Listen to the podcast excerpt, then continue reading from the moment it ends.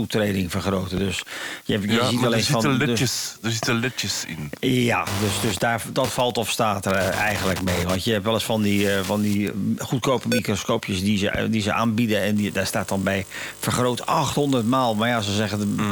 dan zie je niks. Want dan moet je ook het licht 800 maal versterken. En dat gebeurt natuurlijk weinig, anders zie je helemaal niks. Maar met zo'n ledje en een, en een kleine vergroting zal zeker werken. Ja, dat, dat is dus een lens en rond die lens zitten ledjes. Een stuk of Ja, ik ken die dingen. ja. Ja. Ja. Ja. ik ken dat. Ja, ja dat is leuk. dus ja.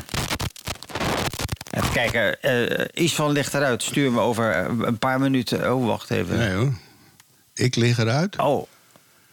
Ik krijg ineens eh, een mededeling. Wat was, wat was het nou? Dinges ligt eruit. eh, mail me over vijf minuten. Of is dat een WhatsApp of iets? Dat is een oud, eh, waarschijnlijk een oud ding van vroeger. Hmm. En een long time ago. Toen Oh, dat is wel een hele vreemde melding. Even kijken. Ja. Ja, het overzicht. Hey, laat ik ga maar even snel nog een bakje koffie Ja, maken. Ja. Ja. Ja, even wakker worden. Eh, ja, even kijken.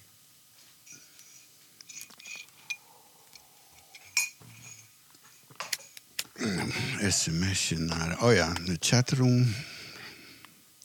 Ah ja, dat is... eh, Zoveel om over na te denken.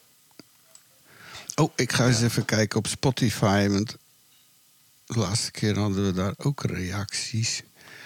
Eh, waar kan ik dat doen? Hier. Maar zie je die alleen als plaatser of ziet iedereen die? Nee, dat is eh, als je een podcast. Nou, dat weet ik. Ja, ik denk dat iedereen die ziet. Maar het is een enquête eigenlijk. Het is, eh, ja, ik moet, eh, Ah, Ze hebben nou zo'n hele cursus voorgesteld voor Spotify en alles. Ik moet dat eigenlijk doen. Oh nee, dan moet ik naar Spotify voor podcasters. Dat is een andere iets. Oh my god, life is too much complication. Even kijken hoor. Overschakelen. En dan een nieuw venster. Loppakee. En dan admin. Spotify voor podcasters.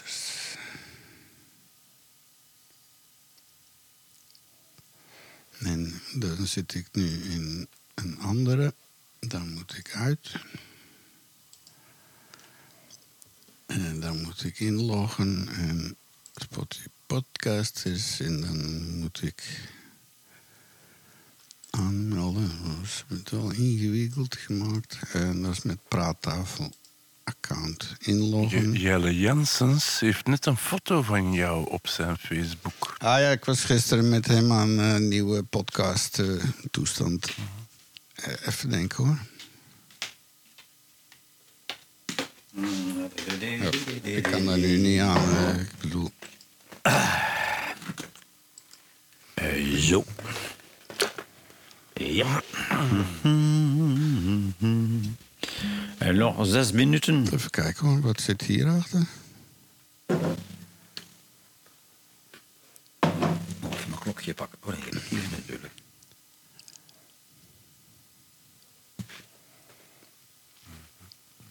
Nee, dat is weer niet goed, godverdomme.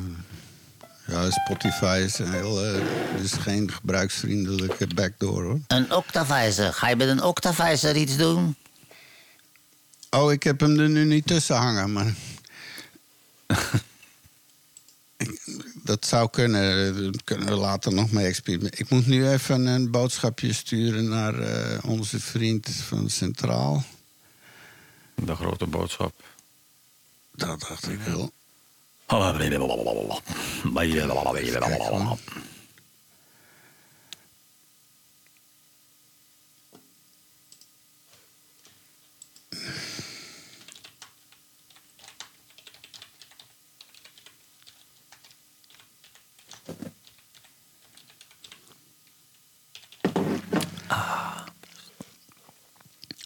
En dan. Vijf minuten even. Nee, eh, informatie over. Licht op een andere manier. Ja, ik denk... Dat is Ik online. heb ook nog wel een eh, citaat van Weer helemaal scheef. Die ik toen ook wel ben gaan... even kijken, wat moest ik nog En zij was toen ja. eh gaststudette van de Kik.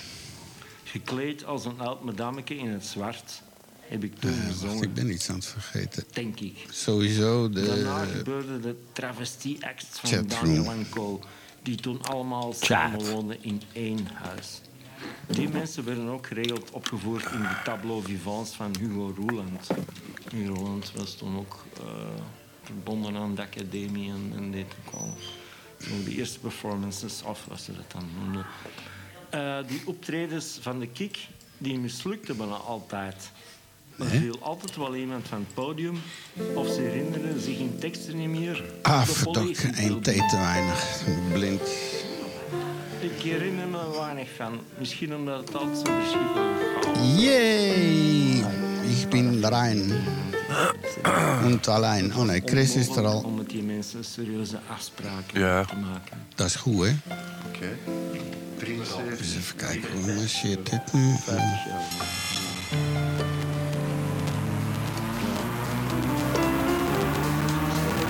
Jouw geluid staat altijd heel hard. Is het van? Veel te hard. De, is in ieder geval eh, veelbelovend, Nee, eh, vind ik. Ja, ja. Lichtelijk psychedelisch en een beetje als een... Goed, goed. poe, poe. Kijk het me toe. Ja, stilte voor de storm. Zo is het. Aan de muur. Dat is eh, tot, eh, Ik, ga 12 eh, van de week mij eh, bezighouden met mijn Bos in de MC505, mijn sample station. Ja, ja. Oh, leuk.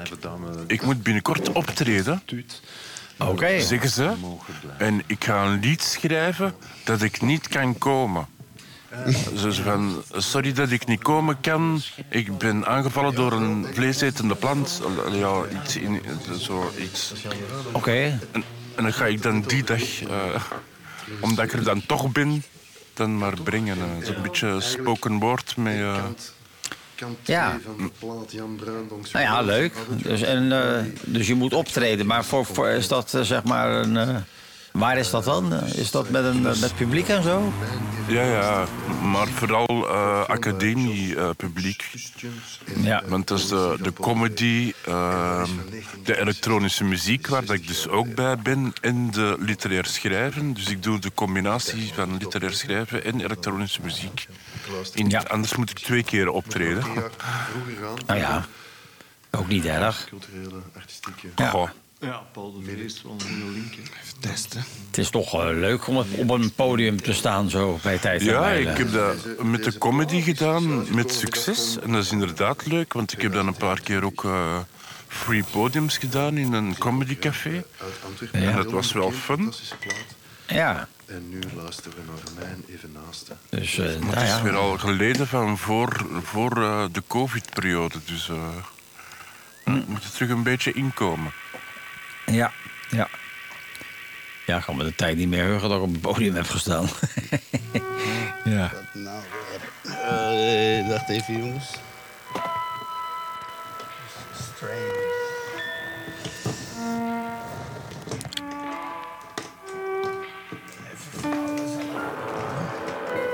Maar als je dit dan hoort, dan denk je... Ja, eigenlijk moet ik mij geen zorgen maken over mijn optreden. Nee, je moet het gewoon modern klassiek noemen. Of eigen hedendaagse muziek. En dan krijg je budgetten. En dan kan je in de single en zo. eh. Ja. En subsidies aanvragen en zo. Ja, ja. Zo is het. Nou ja, volgens de atoomklok is het nu precies. Dat is inderdaad zo. Ja, volgens Ja. mijn... eh, we zijn nog niet online. Ik zie nog geen eh, centraal verschijning. Nee. Worden we nu toch geboycott? Staat hij nog in, in wintertijd of zomertijd? Ja, of ze zijn in slaap gevallen hè, bij deze muziek. Dat kan ook. Ja. Of ze willen dat. Ah, ik- ik hoor Ja! tak, Yes. We bestaan. Even luisteren. Ja, even het riedeltje uit laten gaan. Het is een mix van alles wat. Ja, ja. Dus, maar, maar wij waren En gewoon aan het babbelen. Want laten we maar gewoon babbelen totdat die eh, de riedel voorbij is. De Radio De Centraal riedel. Wij gaan Een beetje babbelen. chaos creëren, zoals dat we steeds beginnen. eh. Eh, ja, ja en Absoluut. er is niks mis met, met chaos, hè, dat weet je. Nee, Dat- en- de en chaos-theorie. chaos. Ja. Hier, hier trouwens bij jullie ook iedereen hoesten en versnot vergouwen. Iedereen. Meen je dat? eh, nou, nee, Nou, bij ons. Ik, valt het wel mee. iedereen. Echt bijna iedereen nagenoeg. Ik ben er alweer over. Shay heeft het een paar dagen Lex en dan eh, kennissen die langskomen. Ja, kom maar niet langs, want eh, ja, nee, wij ook. Zitten we hier allemaal. Wauw. redelijk- Ik kreeg van de week een mail. Kafka organiseerde iets deze week en die zei: Ja, er zijn van die mondmaskertjes. Het is niet verplicht, maar als we zien dat je geregeld hoest, gaan we u er toch wel eentje verplicht laten opzetten. Oké. Het is, eh, ja, het is de moment, denk ik. eh.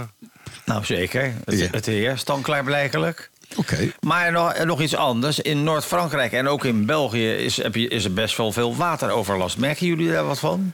Nou, hier niet, maar de Westhoek, eh, zeg maar, daar eh, rond eh Ieper en weet ik veel, dat staat helemaal. Het zijn eindeloze vlakten van water geworden. Wauw. En dan moeten ze Nou, nog. mensen eh, wonen daar op eilandjes. Hè. Dan zie je Ja. de, de journalist met een bootje aankomen. Dan staat er een boerderij, zo ook nog net niet in het water. En dan, ja, gaat het nog? Ja, ja, best. eh, ik heb nog 20 centimeter speling. en, dus, ja. Ja, ja, het ziet er trouwens wel heel fotogeniek uit. Het, het geeft fantastisch mooie plaatjes en zo. Een beetje met die mist en allemaal. maar ja, dat is voor die En- mensen een drama daar. Ja, het is natuurlijk een drama. oh, een drama. O- Op zich is dat landschap ervoor ontworpen. Dus de- als het hard regent, dan staat het er altijd een beetje onder. Maar dit jaar is het wat meer dan anders. Zoals overal. Zoals overal, altijd. Ja. Het enige wat je nog ziet in het nieuws weer is op een plaats waar het eigenlijk nooit gebeurt. Een hele maand regen in drie kwartier gevallen en eh, hele halve Ja. dorpen weggespoeld enzovoort. Dus dat wordt een beetje de, de, de- ja, het- aan het eind van het weerbericht. Nou ja, van- Het, het, eigenlijk komt het erop neer. Droog wordt droger en nat wordt natter. Kijk eens, Omdat en- er veel verdampt. En zo, en zo vliegen wij erin. Droger dan droog Zo is en het. natter dan nat. Wordt eh, juist. Welkom centralisten, alle streamers, trolls in de chatroom en onze podcastfans op Spotify. Het is 14 november 2023 in het coronascene en dit is de 155ste praattafel. Radio Centraal presenteert de Praattafel. Uw afspraak voor een goed gesprek. Het is van Mario en uw favoriete Chris. Zeker weten. Ik ben Ist van Lelussie. Ik bevind me in Oudbergen. Langs Antwerpen is dat. In een eh, leuk oud stukje. Maar ja, het is een beetje allemaal druilerig en dingen. Maar op het moment dat de zon schijnt, ja, dan is het toch heel fijn. Dat gebeurt toch af en toe. Dat gebruiken we dan. In elk geval, namens mij, welkom aan tafel. Ja, en eh, wederom uit Rotterdam, namens wij Mario Reget, heet ik jullie ook van harte welkom. Eh, en eh, ja, het is een beetje een eh, sombere dag, maar we gaan het vrolijk maken dankzij dit programma. En, en dankzij uw favoriete Chris, die er ook weer van de partij is, en het totaal ziet zitten. Ik denk dat we gewoon moeten invliegen, is het van? Zeker weten. Wat dienstmededelingen. De chatroom is open. Een interactief radioprogramma. Chat met ons mee. Ga naar de praattafel.be schuine streep chat. Of eh, gewoon naar de site en druk, druk op de rode knop. En je kan dus meebabbelen, vragen stellen en zo. En vandaag gaan we het met name ook over diabetes hebben. Want eh, waarom, dat komen we zo meteen op. Het is nu overal in het nieuws. Maar in elk geval, eh, ja, geen gasten vandaag. Dus, eh, en dan om 12 uur helemaal live meedoen natuurlijk met de eh, quiz van onze favoriete Chris. En die, dat is vandaag een diabetesquiz, hè? Ja, de grote diabetesquiz. Ja. Ik, Ah. pak alles groot aan, hè. dat weet je. Is van, dus, dus de grote diabetesquiz. Ja. Ah, oh wel, alright. Dat, is, dat zal veel mensen aanspreken, want statistisch heeft 1 op 10 ermee te maken. En we gaan er nog veel meer over horen. En dan ehm, hebben we onze gebruikelijke items. eh, biomimicry. Mario die gaat het vandaag hebben over vlindervleugels en eh, vocht. Yes. Nou ja, allebei heel, Yes. heel eh, belangrijk vandaag de dag. In Pek en Veren hebben we weer wat kandidaten voor je. Om 12 uur dus de quiz. Meteen daarna vliegen we de kosmos is- kosmos in. Om met een harde klap weer meteen terug op aarde te komen en eh, gedicht erbij te worden.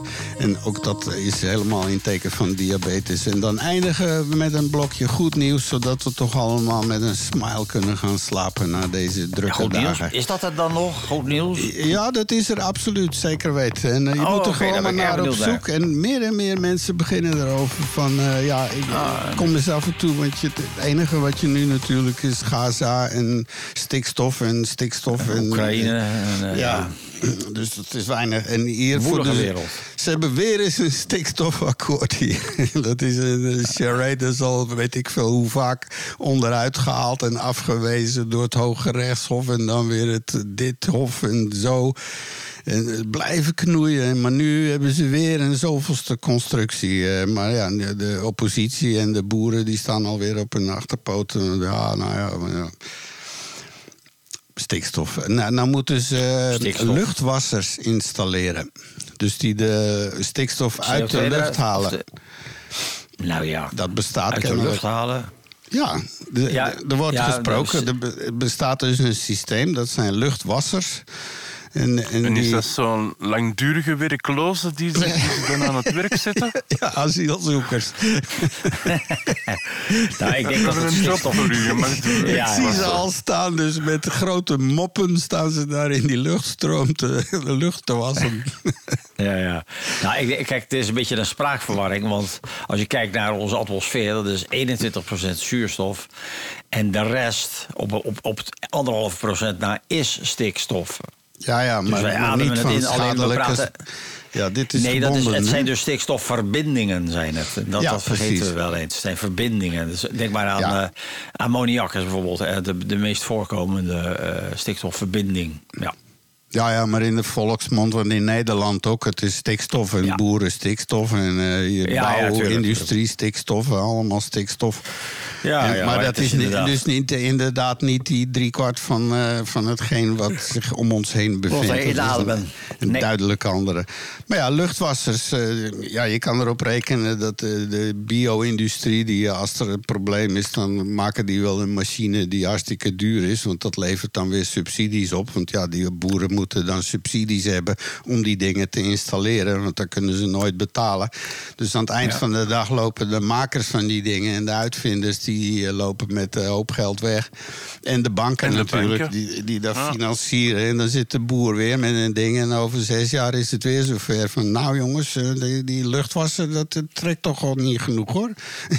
Nou, zeker. Want als je dus kijkt, die, die, eh, wat ze in Nederland althans, al die, dat, dat, eh, dat eh, verbeteren van die stallen door, door het afvangen, door dus de poep en de pies te scheiden met, met inge- ingenieuze machines.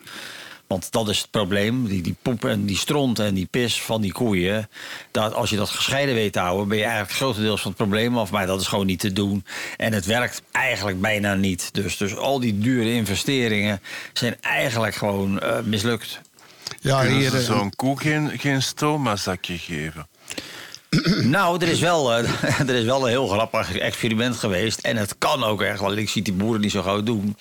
Eh, je kan koeien zindelijk krijgen. Dus als ze Ah, echt naar de stal komen om te kakken, dat bestaat dus echt. Ja, dat, Ja, dat- dat lukt echt. Maar alleen ja, de uitvoerbaarheid en, en, de, en, de, de, weet ik, en de bereidwilligheid van de boeren is er niet. Ja, hier in het VRT-nieuws van eh 22, dat is al even geleden. Maar één op de drie luchtwassers die de uitstoot van landbouw moet verminderen, werkt niet zoals het hoort. Nee, nee. Nou ja, dat zijn die wa- luchtwassers die eh, in, in eh, stallen zitten. Die, Ja, waar- waarbij koeien niet meer naar buiten kunnen. Ja, dat, is, dat, is, dat, dat betekent, als je dat op die manier wil oplossen... dat je dan uiteindelijk vlees gaat krijgen van, van, van een koe... die nooit de zon heeft gezien. En daar ben ik ook niet voor. Nee, nee, dat, eh, dat willen we ook inderdaad niet.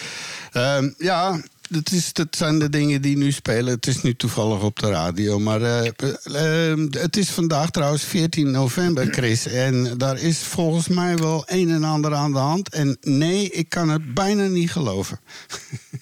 Je, je om het tempo erin te houden.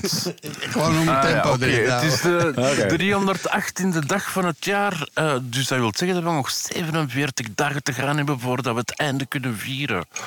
En er is inderdaad in het verleden een hele hoop gebeurd op 14 november. Bijvoorbeeld in 1666 is de eerste bloedtransfusie uitgevoerd door Richard Lower. Ja, Oké. in 1666 al, hè. Ja, waarschijnlijk heeft hij een mes gestoken in iemand. Voilà, kijk, bloed. Zwat, in 1886, de Duitse Ze zijn wel allebei Friedrich- overleden, die mensen, maar goed. Ja. De Duitse uitvinder Friedrich Soenik krijgt een patent voor de perforator. Dat was toen nodig in 1886, hè, met al die kopiemachines Oké. en zo. In 1922, de Britse Broadcasting Company, de voorloper van de BBC, begint met radio-uitzendingen.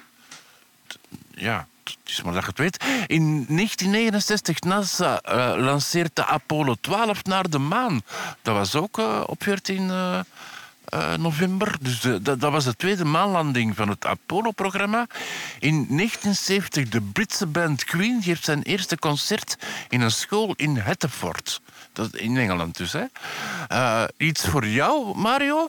In 2005... in- eh, Oh nee, dat, dat nog niet, maar het is wat. In 2005 in Leeuwarden wordt eh, bij de voorbereiding van Domino Day, hè, dat is zo'n dag waar dat ze Ja. domino-blokjes eh, in een sporthal, eh, wordt er een huismus in opdracht van Ja. de omroep doodgeschoten. Ja, ik heb hem ook gezien. Hij staat, ze hebben hem opgezet en hij zit hier in Rotterdam.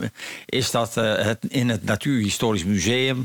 En dat museum staat er ook om bekend dat het allemaal van dat soort bijzondere dingen heeft. Dus niet alleen de domino-mus, maar ook eh, ja, de, de marter die is overleden in CERN. eh, bij de deeltjesversneller en allemaal ludieke dingen eigenlijk. Dat is Ah, hartstikke ja. leuk om te zien. Ja. Ja. Natuurlijk ook En- de waarom- necrofiele eend. Ja. En waarom is hij doodgeschoten? Hij had 26.000 domino-steentjes omgegooid. Ja. Dus ja, dan moest... Ja, dood hè, gewoon. Eh, Ja, en het hele volk viel erover. Ach. ja. ja. nee, Maar daardoor is die 2010. waarschijnlijk viraler gegaan, die video, dan zonder die muis. ik denk het ook, Waarschijnlijk ja. wel. Ja. Ja. In 2010, door hevige regenval, zijn er in België grote overstromingen. Er vallen vier doden en de schade wordt geruimd op, eh, eh, of geraamd op 180 miljoen euro. Toen al, Ja. in 2010. 2011. Ehm, de Europese Unie staat het gebruik van de zoetstof uit de stevia-plant toe. De- ik weet niet of dat een goed idee is, want er zijn zo wat eh, minpunten en pluspunten. En mensen die Ja. er tegen zijn en mensen die er. Ja, zwart. Ehm, deze was eigenlijk voor jou, Mario. 2014. De Academy of Ur- Urbanisme in Londen roept Rotterdam uit tot de Europese stad van het jaar. Volgens de jury heeft de stad een jong, open en tolerante gemeenschap die innovatie, architectuur, stedenbouw en nieuwe businessmodellen omarmt. Is dat zo, Mario? Nou, die wil niet bij mij Jong. voor de deur. Maar oké, eh, maar het, zal- het zal wel, maar dat weet ik eigenlijk niet. Nee. Ja. Ik, eh, ja, ik, het is een beetje een eh, loos begrip, vind ik. Maar goed, leuk. Leuk. Ja, Ja. maar Rotterdam, ik ben er eens een paar keer geweest, want ik heb er ooit een vriendin gehad. en qua architectuur... Elke ja, aflevering een vriendin. ja, het was niet de enige vriendin, maar de- maar architectuur, ik vond het daar wel gezellig eigenlijk. En, en inderdaad zo wat modern, maar toch wel mooi. Hè, want je hebt modern en lelijk. Ja, Ja, ik heb ook is- in Rotterdam gewoond, dat weet Mario. En dat was een best. eh, ik vond het wel boeiend. En, eh, en op verschillende delen op het zuid. dat is nu wel totaal veranderd, denk ik. Rotterdam Zuid, waar we toen bij. dat was het Ja, ja. Afrikaanderplein, die buurt. De Oh ja. Pretoria-straat. Hè? Oh ja, dat is echt Zuid, ja. Ja, daar zat Nee, jij toen nee. ook. Jij woonde om de hoek. Ja. Daar, eh, weet je nog. Bij de Christian de Wet, ja. ja, Ja, dat kan ik me wel herinneren vaag. Nee, maar Rotterdam is natuurlijk een moderne stad. We hebben natuurlijk geen stadshart. Rotterdam is, het, is de stad die plat is gegooid in de Tweede Wereldoorlog. Dus die is dus helemaal van from scratch eigenlijk opgebouwd na de Tweede Wereldoorlog. Dus we hebben een relatief moderne stad. Als je dat vergelijkt met Amsterdam met al die grachtjes. En, eh, ja, dat is echt een middeleeuwse stad. Die, die, eh, ik dus ben dat betekent dat is daar allemaal veel chaotischer. En, en als je daar bijvoorbeeld een eh, 300 meter metro wil aanleggen, dan moet je, moet je vijf grachten dempen of zo. Ja, ja. Ik ben in Da- is- Darmstad geweest. Hè, en daar is eigenlijk hetzelfde gebeurd. Die stad is eh, weggebombardeerd. We waren daar voor een muziekfestival. En daar hebben ze die herbouw echt totaal misgeslagen. Dat lijkt wel een soort eh, communistische architectuur... met allemaal van die brede en rechthoeken. Totaal geen ziel. En ik vroeg me af, is dat nou Darmstad? Ja, dat was allemaal plat gebombardeerd. En ze hebben dan maar gekozen om het niet origineel te herstellen... maar gewoon ja, een nieuwe, afschuwelijk is. Ja. Maar Rotterdam vind Wat ik... ik eh, wel- ja. Wat ik wel leuk vind als ik naar Nederland ga met een Belgische nummerplaat. Als je dan ergens staat te wachten met de auto om je vriendin naar de winkel iets te gaan halen.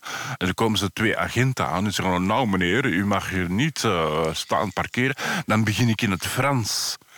En, en dan zie je die agenten elkaar aankijken en dan zo, ah ja, oh, oké, ça va. eh, en dan gaan die door. Ja, dat was dus dat is toen hè? handig. Dat werkt. Ja, dat Ja, was denk ja, ik toen. Ik weet niet of je dat je daar vandaag nog mee wegkomt. Denk je Nou dat ja. de agenten in Nederland nu Frans spreken? Ik denk het niet. Nee, Nee, maar, ze slaan je in de allemaal- boeien en ze zoeken iemand die het wel kan. En ze hebben allemaal Google Translate, hè? Ja, ja. Ja, dat is waar. Ja. Nee. Swat, gisteren was het Wereldvriendelijkheidsdag. Eh, wat inhoudt dat, dat je ja, vriendelijk moet zijn. Af en toe is hij toe voor een ander en zo. hè. Dat was gisteren, dus je bent te laat eh, als je dat vandaag. Eh, vandaag is het dus de Internationale Dag tegen Diabetes. Ehm, we gaan het er waarschijnlijk nog wel over hebben. Ehm, maar de stad Antwerpen zit zich in voor diabetes. Vandaag gaan ze het stadhuis vanaf vijf uur ook in een blauw licht zetten. Vraag me niet waarom. maar Om ze gaan het doen. te Maar- pluggen. Ja, waarschijnlijk. Maar je kan ehm, ook je laten testen in het stadhuis vandaag. En ze gaan dat ook doen ehm, bij de stadsmedewerkers. Die krijgen de kans om zich te laten testen op diabetes type 2. I- Iets wat ik trouwens ook heb. Eh 1 op 10 van de Belgen zou dat hebben. En, en dus eh, als je... ze raden je aan als je overgewicht hebt rond de 50 cent om dat toch jaarlijks te testen. Het probleem met diabetes is het een, een sluimerende ziekte. Dus Ja. je, hebt er geen last, Geen last van. van. Ja, je denkt dat is de ouderdom, maar ondertussen kan je wel blind worden. Ja, ja. Eh, je kan lam worden, je nieren kunnen het opgeven. Dus het is toch wel nodig dat, dat je het laat testen om te zien of dat je het hebt of niet. En, en tenslotte, diabetes 2, de- in mijn geval, dus medicatie en, en dat is al voor de rest heb je er eigenlijk niet zo echt veel last van. Maar je moet het wel onder controle houden.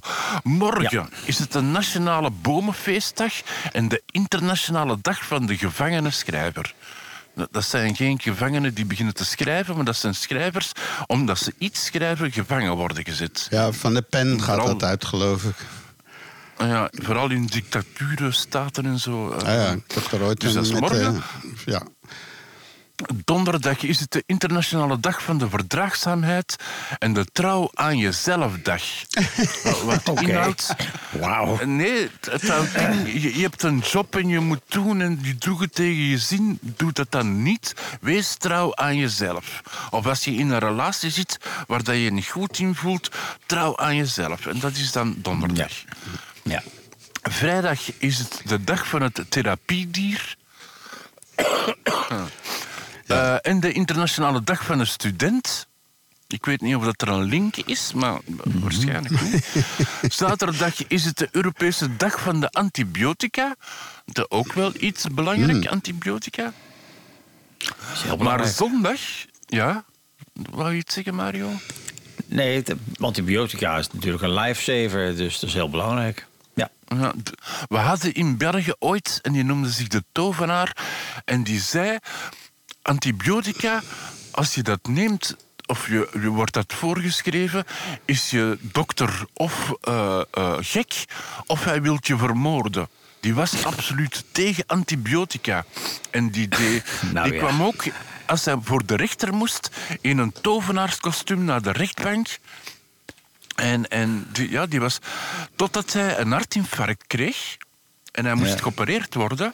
En sindsdien hoor je hem niet meer. Is hij niet meer tegen antibiotica. Nee, dat begrijp ik. Het heeft miljoenen mensen geschild tijdens de Eerste Wereldoorlog. Want in die periode werd penicilline ontdekt, wat uiteindelijk het eerste antibioticum is geweest. En dat heeft enorm, want daarvoor, de kleinste buikwond betekende gewoon, was gewoon een doodsvonnis. Ja. Nu, zondag zijn er drie eh, herdenkingen. En ik weet niet of dat er een link is, maar je moet dat zelf dan maar eens bekijken. Het is de Internationale Dag van de Man. En de Internationale Dag van Vasectomie. Maar ook Wereldtoiletdag.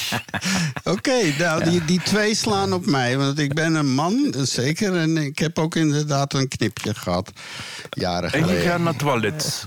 Dus, want het is ook Ja. Wereldtoiletdag. Ja, ik ben een zeikert, maar dat weten we wel. hè. Ik ga regelmatig eh, da- daarheen, vooral om naar mijn eigen gezeik te luisteren. Ja, ja. ja. Nou, dat is in ieder geval iemand dan, hè? Ja, daarom. Ja. Dan kan je drie keer vieren een zondag. eh, eh, is het van? Oh ja? Ja, dan ga ik zeker triple doen. Triple, dat vier ik dan met een trippeltje. Hey, hey, hey. Hey. Goed idee. Voilà, dat was het een beetje. eh. ik heb alle oorlogstoestanden een beetje tussenuit gehaald. Oké. Want je weet, ik heb het wel gehad een beetje met de oorlog. Heel goed. Laten we dat. is. Ja.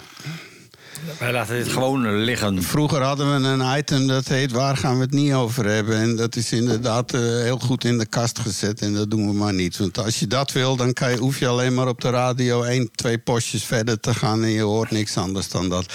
Ehm, Ja, er was ook een, een klimaatbetoging. Was het Parijs of Brussel? Ik weet het niet. Waar de Thunberg eh, ook aanwezig was. Ja, En, en die begon op het podium over het klimaat, maar die begon ook over Israël en Palestina. En toen was er een van de betogers en die pakte haar microfoon af en die zei: Kijk, ik kom hier voor het klimaat. Rest moet ik allemaal niet weten. Dat was in Nederland. Ja, ja. Was dat Nederland? Ja, dat was in Nederland. Ja, Even kijken hoor. Ik was ja, ja. ja. Nou ja. Ah ja, ja. We gaan het Ik- er niet over ja, hebben. eh, Iets wel heel typisch Vlaams, wat Nederlanders heel, heel erg typisch Vlaams zullen vinden. Dat is een bepaald eh, maf gebruik van wel en niet. In Nederland zeg je, iemand is niet veroordeeld. Eh, de, de kat is niet weggelopen of de kat is wel weggelopen. Maar ik zal eens laten horen hoe dat hier wordt opgelost. En nog in Brugge is de klimaatactivist die zich had vastgekleefd aan een schilderij in het Groeningen Museum schuldig bevonden, maar hij krijgt geen straf. De man wilde met zijn actie aandacht vragen voor de verandering van het klimaat en hij kleefde zich vast aan het veiligheidsglas voor een schilderij van Jan van Eyck. Dat schilderij is wel niet beschadigd geraakt. Wel niet Wel niet. beschaafd. Snap je? Dat is raar. Ja. dat vinden Ja, wij dat wordt Nederlanders raar. gebruikt, hè? Ja, het Dat pas wordt in, in. Vlaanderen wel niet veel gebruikt. En, en dan zeg ik steeds, ja, je moet een keuze maken. Hè. Het is wel of niet, maar niet wel. Dat, dat, Ja. Maar dat wordt veel te veel gebruikt hier nog, vind ik. Eh, Ja, ik vind dat Ja, vreemd in- in taalgebruik. Nederland hebben ze ook wel, in Nederland hebben ze wel veel dubbele ontkenningen. Eh, zoals, eh, ik, ik ga eh, bijvoorbeeld... eh, Nooit even niet. denken, hoor. Eh, ik ga nooit niet naar, naar weet ik veel wat. Of ik ga altijd wel naar eh, dat soort zinsconstructies krijg je dan eigenlijk. Ja, er is ook Ja, wel... maar dat was waarschijnlijk, het stukje dat je liet horen was waarschijnlijk VTM. Want als Mhm. ze dat op de VRT zeggen, dan krijgt hij eh, eh, twee minuten na zijn uitzending telefoon van de directeur. ja, wel niet, dat bestaat niet. Eh, Ja, dat Oh, zijn oké, heel streng dus- op taalgebruik. Nou ja, maar Ja, dit, dit was uit het VRT-journaal, hè? Dus eh, die eh, komt... Oh, ik, dan ik zal kan er wel zo wel, telefoon gehad hebben.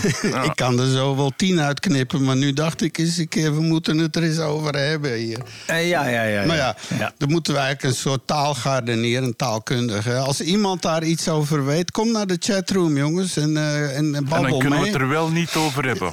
Ja, Nou ja, het is- zeker. Ja, zeker.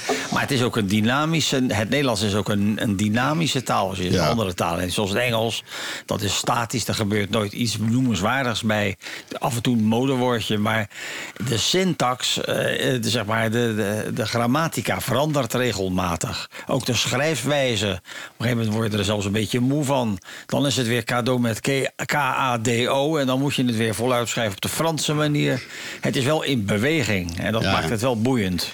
Nou ja. maar als je de jeugd, als ik de appjes lees van onze eh, zoon en eh, dochter en iedereen, man, dat is eh, af, af- moet ik soms drie keer lezen, want ze laten dan de laatste N'en en zo weg. Ze, ze verbasteren woorden. Veel emoticons. Ja. Mensen zijn daar tegen, tegen, maar die werden al gebruikt door de Egyptenaren. Hè? Ja, nou ja, hieroglyphen, ja, dat, dat is niet helemaal, ja, ja, oké.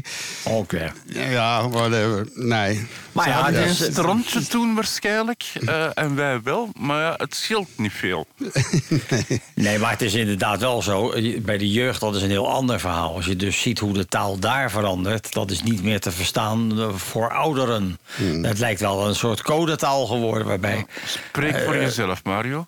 Nou ja, het- als we het hebben over patas, dan begrijp ik dat nog wel. En doekoe, maar op een gegeven moment, als ik zeg in de tram hoor praten... begrijp ik helemaal niks meer van. Nee, nee. En het Engels wat ze er doorheen gooien. Dat is geen issue waar ik eh, mee dealen kan, weet je wel. En zo. Ja, al die Ameri- Amerikanismen, ja, dat is gewoon ook vermoeiend. Ja, ja heel, Ik bedoel, het zit er heel hard in. Eh, Echt, ik, ik ben daar fel op tegen. Want wat is er in godsnaam mis met heilige stront? Helemaal niets. Nee, Oké. Toch? Hey, ehm, ja, ik heb, ik heb ook iets eh, wat ik wil introduceren. Want ja, het is altijd zo'n beetje een heel aangenaam gesprek. Maar af en toe zijn er toch ook dingen in het leven die je vreselijk irriteren. En dus daarom dacht ik een, een, een nieuw itempje te in- introduceren. Dat is mijn pet peeve. eh, een soort irritatie die mij irriteert, als het ware. Dus eh, even kijken hoor. Er moet dan wel iets bij. Wat mij dus met weer over name- paprika Nee, nee, nee, nee, nee. Maar de bizar en bizar slechte staat van de wegen hier in Antwerpen, in het stad. Het is, het is echt, als je dus eh, auto probeert te rijden, lijkt het meer op zo'n ethisch Space Invaders game. Waar je gewoon eigenlijk meer op de weg en de putten moet letten. Want anders rij je je banden naar de kloten en heel je auto gaat naar de kloten. Er zijn Ja. bepaalde plaatsen waar het dusdanig versleten is en opgevuld met. En dat zijn waar zwaar verkeer is. En wat ze ook niet kunnen hier. Wacht even, ik ben bijna klaar. Op de, op de radio eh, is het van? Want je hebt twee keer kloten gezegd, mag dat? Is dat Ja, kloten. Ja, bij Centraal Ah, ja, mag het zeker. Bij, bij Ja, je Centraal hebt ook klootschieten in Nederland. Klootschieten, dat is gewoon een officiële sport. Ja, en, en is kloten... moeilijk van te eh, lopen, maar oké. Kloten is kolloquiaal voor eh, testikels. het kan me geen testikels schelen. Zo is het. We gaan naar de testikels met z'n allen.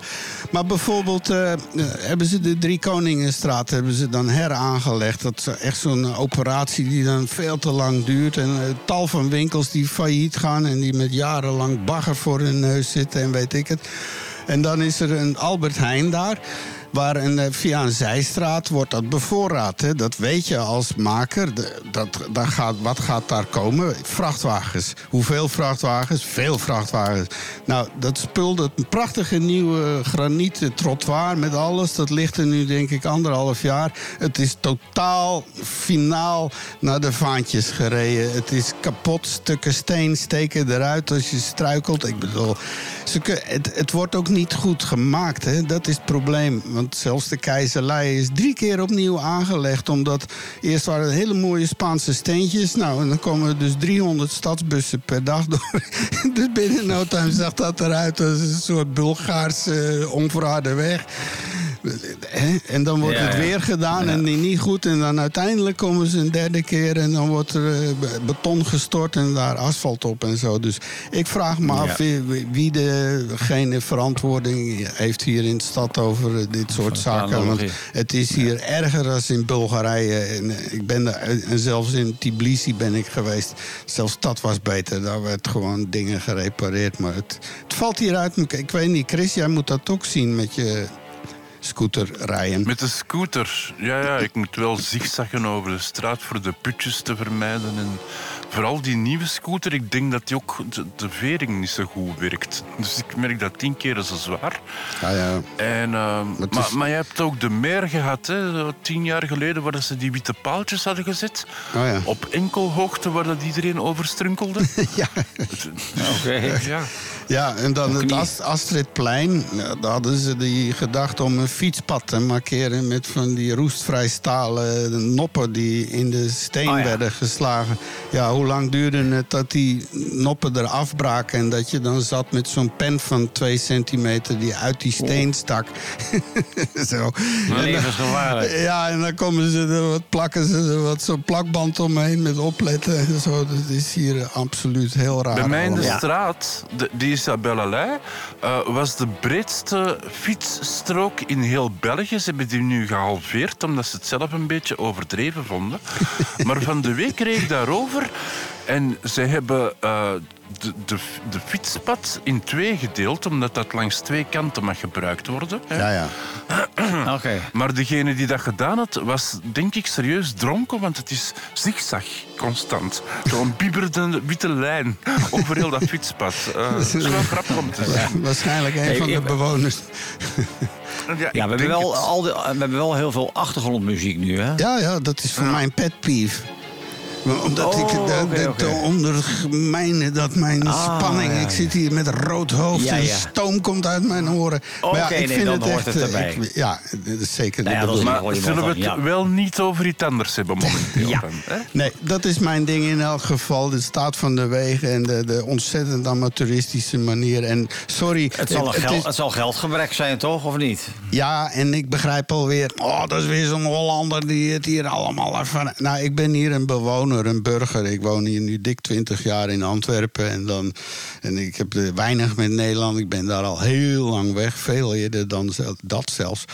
Dus eh, het is mij gewoon als burger. En eh, het is niet goed voor de auto's. Het is, niet, het is alleen maar goed voor de autorepareerders. De banden Nou ja, het is natuurlijk wel zo dat eh, als je naar België neemt.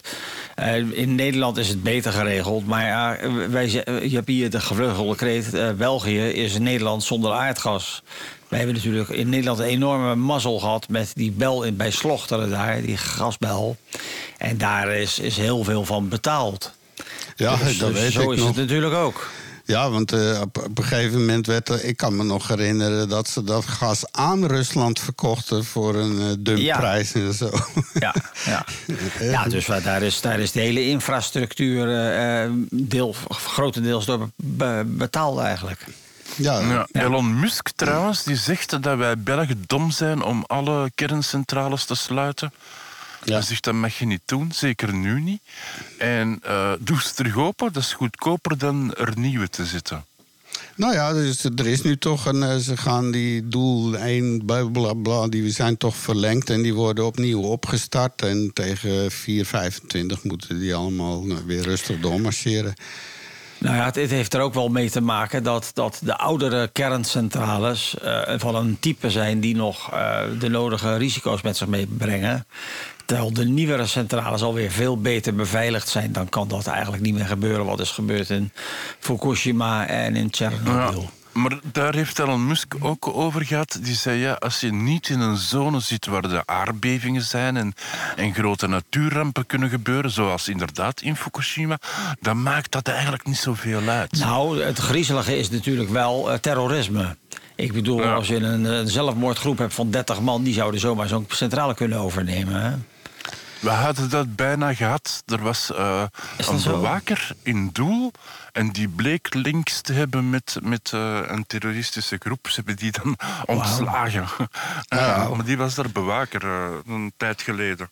En Ja. er was een eh, bijna enorme ramp. Dat was eh, Three Mile Island. Dat was in 1979. Oh ja, en, en, Harrison. eh, Ja, er was een gedeeltelijke meltdown. omdat er ook iets misging met, die- met die regelstaven en zo. Maar ja, inderdaad, dat is heel lang geleden. En tegenwoordig zijn die dingen toch wel een heel eind geüpgrade, neem ik aan. nou, zeker. Maar het is nog steeds het afval, hè? Dat is het probleem nog wel. Maar ja, ja, kijk, het, dat, dat, is op zich eh, kan je dat wel veilig opslaan, gewoon in de grond.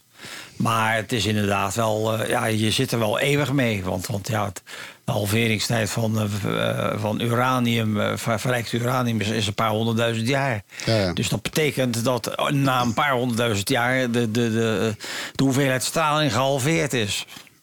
Ja. Dus, dus dan, Daar kunnen we niet op wachten. Dus dat is eeuwig? Ja, Nee, daar ja maar daar hebben we het wel eens over gehad. Want er is dus een prijsvraag. Ik weet niet of dat die nog steeds geldt. Maar eh, er is een prijsvraag vanuit de United Nations, UNESCO geloof ik... om, om iets te creëren, een concept...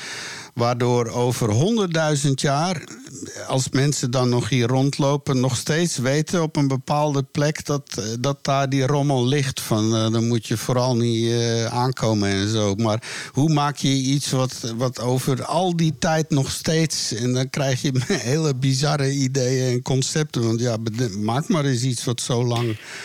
Dat is heel moeilijk.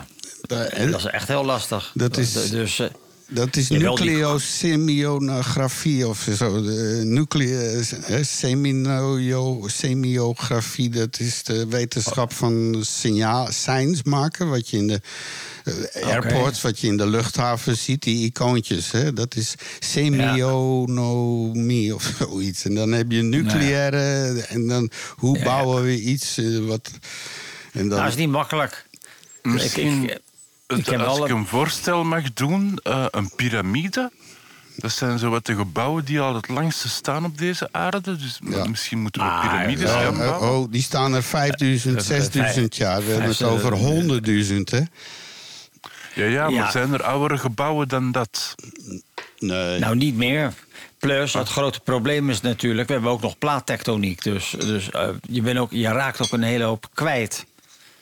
Eh, want die platen die schuiven. Dus, dus ieder jaar dat, dat, dat, dat ik leef... ligt Amerika weer een metertje verder eh, dan, dan, eh, dan het jaar daarvoor. Ja, precies. En als je dat doortelt, dan, dan, dan verdwijnen ook dingen. Dat is ook de reden dat je eigenlijk de oudste fossielen vind je in het midden van tektonische platen, want die gaan als laatste weg. Ja. Ja. Eh, maar Dat ik met heb wel. aardbevingen, met die aardbevingen tegenwoordig, hè, daar in, eh, waar is daar eh, die momenteel bezig? Marokko die, die was er eh, laatst. Nee, eh, en dan vulkaan- Afghanistan. Ah, nu in. IJsland. IJsland, ja. IJsland. Ja, Ja, maar daar wordt een geen dorp al kernafval, 12 ja. centimeter. Ja, er wordt een dorp al 12 centimeter opgeschoven. ja. Ja, nee, dat klopt. Maar ja, dat is ook logisch, want je, eigenlijk, als je de wereld ziet eh, en met die tektonische platen, dan, dan als, je dat, als je het water weghaalt, dan zie je eigenlijk een honkbal met naden. En die naden, daar welt gewoon lava uit op en, en duwt daarmee links en rechts de platen opzij. En die, en die, die honkbalnaden, dat noemen ze de, de Mid-Atlantische of de Mid-Oceanische ruggen. Die komen op slechts twee plekjes eh, boven. En dat is in Hawaii en dat is in IJsland. Dus daar komt die, die, eh, die naad zeg maar boven. Vandaar dat je daar altijd wel eh, vulkanische activiteit hebt. ja. Moeten we trouwens ons zorgen maken, want in- in de middeleeuwen, ergens jaren 500, waren er daar ook eh, vier uitbarstingen. En dan heeft de wereld zich een jaar lang in een duisternis gehuld. eh, is Ja, er genoteerd overal. Nou en ja. zou er twee graden eh kouder Ja. zijn geworden. Nou, dat Is kan het- zeker. Moeten we ons zorgen maken momenteel, want Eh, het is ja, een toch, grote eh, uitbarsting. hè? die, afvlammel Jokul een aantal jaren geleden... waardoor ineens heel Ja. het noordelijk halfrond geen vliegtuigen meer eh, konden vliegen. Want Ja. die, die asdeeltjes in de lucht zijn dus een, eh, nachtmerrie voor die motoren. Die kunnen dat helemaal niet hebben. Nou ja, we, we hebben natuurlijk ook het, eh, om de zoveel tijd, als je kijkt naar de geschiedenis van daar, hebben we supervulkanen gehad. En men denkt ook, we hebben dus vijf massa-extincties gehad op aarde. En je ziet ook, dus vijf, vijf keer dat, dat bijna al het leven dood was. En eh, bij zeker twee van die extincties is bewezen dat dat, althans dat zegt men, dat dat eh, komt door de supervulkanen. En de laatste die er een beetje op lijkt, dat was ergens in 18 zoveel, de, de Krakau. Die, eh, eh, in de Krakau, eh, dat, was ook een serieuze klap. Maar je hebt dus vulkanen die dus inderdaad eh, zoveel uitspuwen dat de, dat de hemel donker blijft. En als dat maar lang genoeg duurt, als dat een jaar duurt, dan is alles wat plant is, is dood. Ja. En, en vervolgens eh, vallen de planteneters en daarna de vleeseters en het leven stopt. Ja. Maar dan de sterkste blijven over. Dat zijn ratten, kakkerlakken. Ja, en Sansevieria. Niet kapot te krijgen, die planten. Nee, nee. Alright, over planten en kapot te krijgen. Trouwens, hey, hey, ik, hey, ik hoor ineens... Hey, kijk eens. Wat we kunnen leren van de natuur.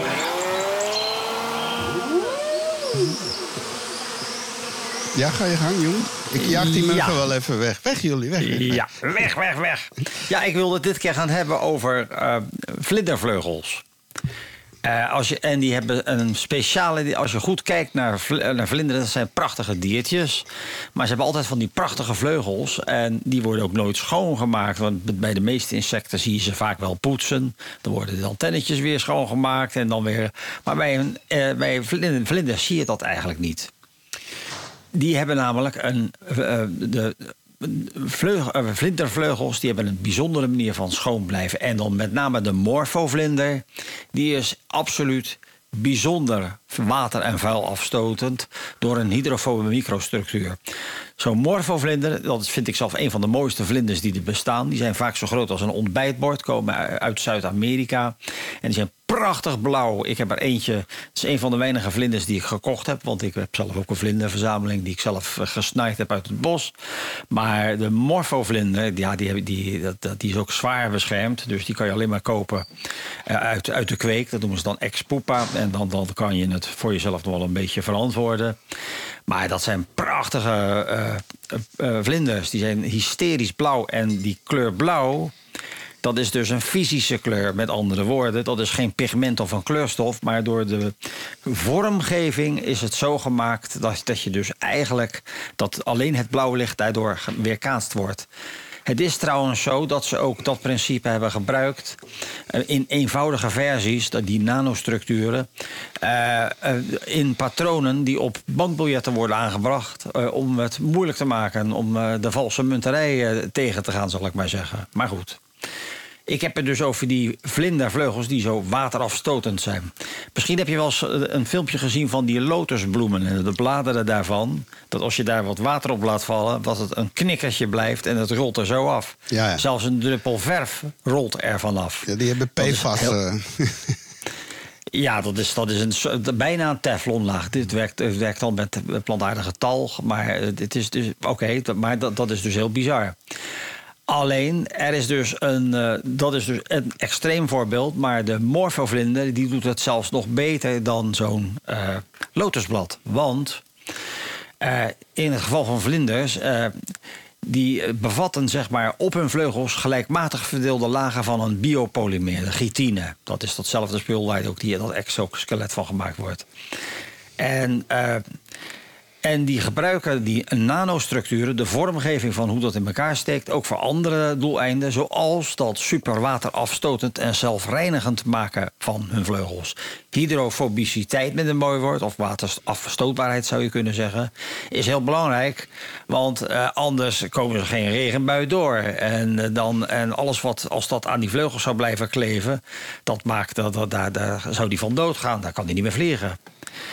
Eh, die waterdruppels die zitten bovenop ribbels van die vlinder, gebe- eh, waardoor er dus luchtzakjes onder blijven zitten. En nou komt het, bij de morfo, de waterdruppeltjes komen de hydrofobe, de waterafstotende holtes, niet binnen, omdat de interactie tussen watermoleculen onderling sterker zijn dan de interacties tussen water en lucht. Eh, en bovendien hebben luchtzakken die een interne druk die voorkomt dat water er doorheen dr- eh, dringt. En dat is best wel heel bijzonder. Kunnen wij daar wat mee? Eh, laat ik het zo zeggen, omdat water en lucht minder goed hecht aan eh, dan water, als omdat water en lucht minder goed hecht dan water aan vaste stoffen, kunnen die bijzondere ruwe gevouwen texturen met een groot oppervlak de kleefkracht van die waterdruppels verminderen, omdat opgesloten lucht in die tussenruimtes resulteert in een verminderd contactoppervlak tussen de vloeistof en de vaste stof. Daardoor kan de zelfaantrekking van, van dat water, want dat is een polair molecuul, vollediger worden. Waardoor je dus knikkertjes krijgt van water in plaats van dat het uitvloeit. En de vuildeeltjes die, plakken aan die druppels. Eh, dus, dat is, eh, dus die eh, vleugels van de blauwe morfovlinder... die ver- verwijderen water dus nog beter dan lotusbladeren. Sterker nog, morfovlindervleugels behoren tot de meest hydrofobe materialen in de natuur die we kennen. En dat heeft dus te maken van die vormgeving. En ook nog die microschaalruggen, dus die ribbeltjes die ze hebben. om de water in kleinere druppels te breken. Eh, waardoor dus de druppels nog, nog sneller van die vlindervleugel eh, afvallen. En nu is men bezig met dat na te bouwen. Dus die micro- en nano-oppervlakteafwerkingen ge- geïnspireerd op die zelfreinigende, zelfreinigende systemen van die vlinders. Dat wordt nu al toegepast op eh, verven, glas, textiel en meer. Waardoor, waardoor je dus veel minder giftige chemicaliën en veel meer arbeid, eh, minder arbeid nodig hebt. En het kan ook nog eens gebruikt worden tot het, voor het dramatisch vergroten van oppervlakten van veel materialen. Daar hebben we dus best wel heel veel aan. En op die manier hebben we toch weer wat geleerd van zo'n klein vlindertje. Ja, zeker. En Ja, inderdaad... het is ook wel nodig, denk ik, want zo'n vlinder heeft heel kleine pootjes, dus die kan zijn vleugels ook niet wassen. Nee, nee, nee, dat is ook zo. Dus, eh, ze hebben wel een enorme lange tong, maar die, die rolt alleen maar, die rolt niet zo dusdanig uit dat die, die kan alleen maar naar voren, zal ik maar zeggen. Maar goed, Hey. ja, dus op zich is dat best wel eh, weer een positief iets. Zeker. Hey, intussen is Minja aangeschoven. U kunt ook aanschu- aanschuiven aan de praattafel, lieve mensen. Ga naar praattafel.be, klik op de rode knop. Dat kan op mobiel, tablet, telefoon, eh, weet ik veel. Kan op bijna alles op je computer. Alles Eh, kom gezellig aan tafel en klets mee. Eh, ik ben weer een itempje vergeten. Ja, ik word ook een dagje ouder. We hadden record Ja, raden. ik dacht het al, zullen we het wel niet doen? Heel goed, heel goed. Ik Heel. heb trouw- trouwens krijg ik regelmatig e-mails van de taalgardenier. Dat is zo'n echt een- iemand die voorstander is van puur taalgebruik. Misschien moeten we die eens uitnodigen aan tafel. Hoor. Wat denk je daarvan? Ja, ja, ja. Lijkt me heel Ja, dat boeiend. lijkt me een idee om wel niet te doen. Ja. Maar ik heb er een gevonden, een heel bijzondere, die eh, echt eh, auditief is. Dus het gaat om eh, toch het creëren van iets met geluid. Ik zeg er verder helemaal niks bij. eh, laten we luisteren. Het is een rustig stukje. Dus dit is een, een geslaagde, uiteindelijk een geslaagde wereldrecordpoging.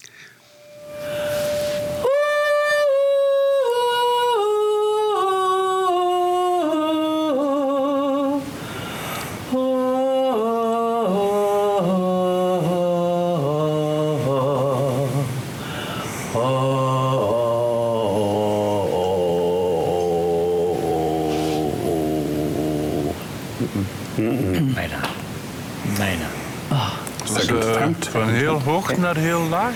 eh, Second attempt.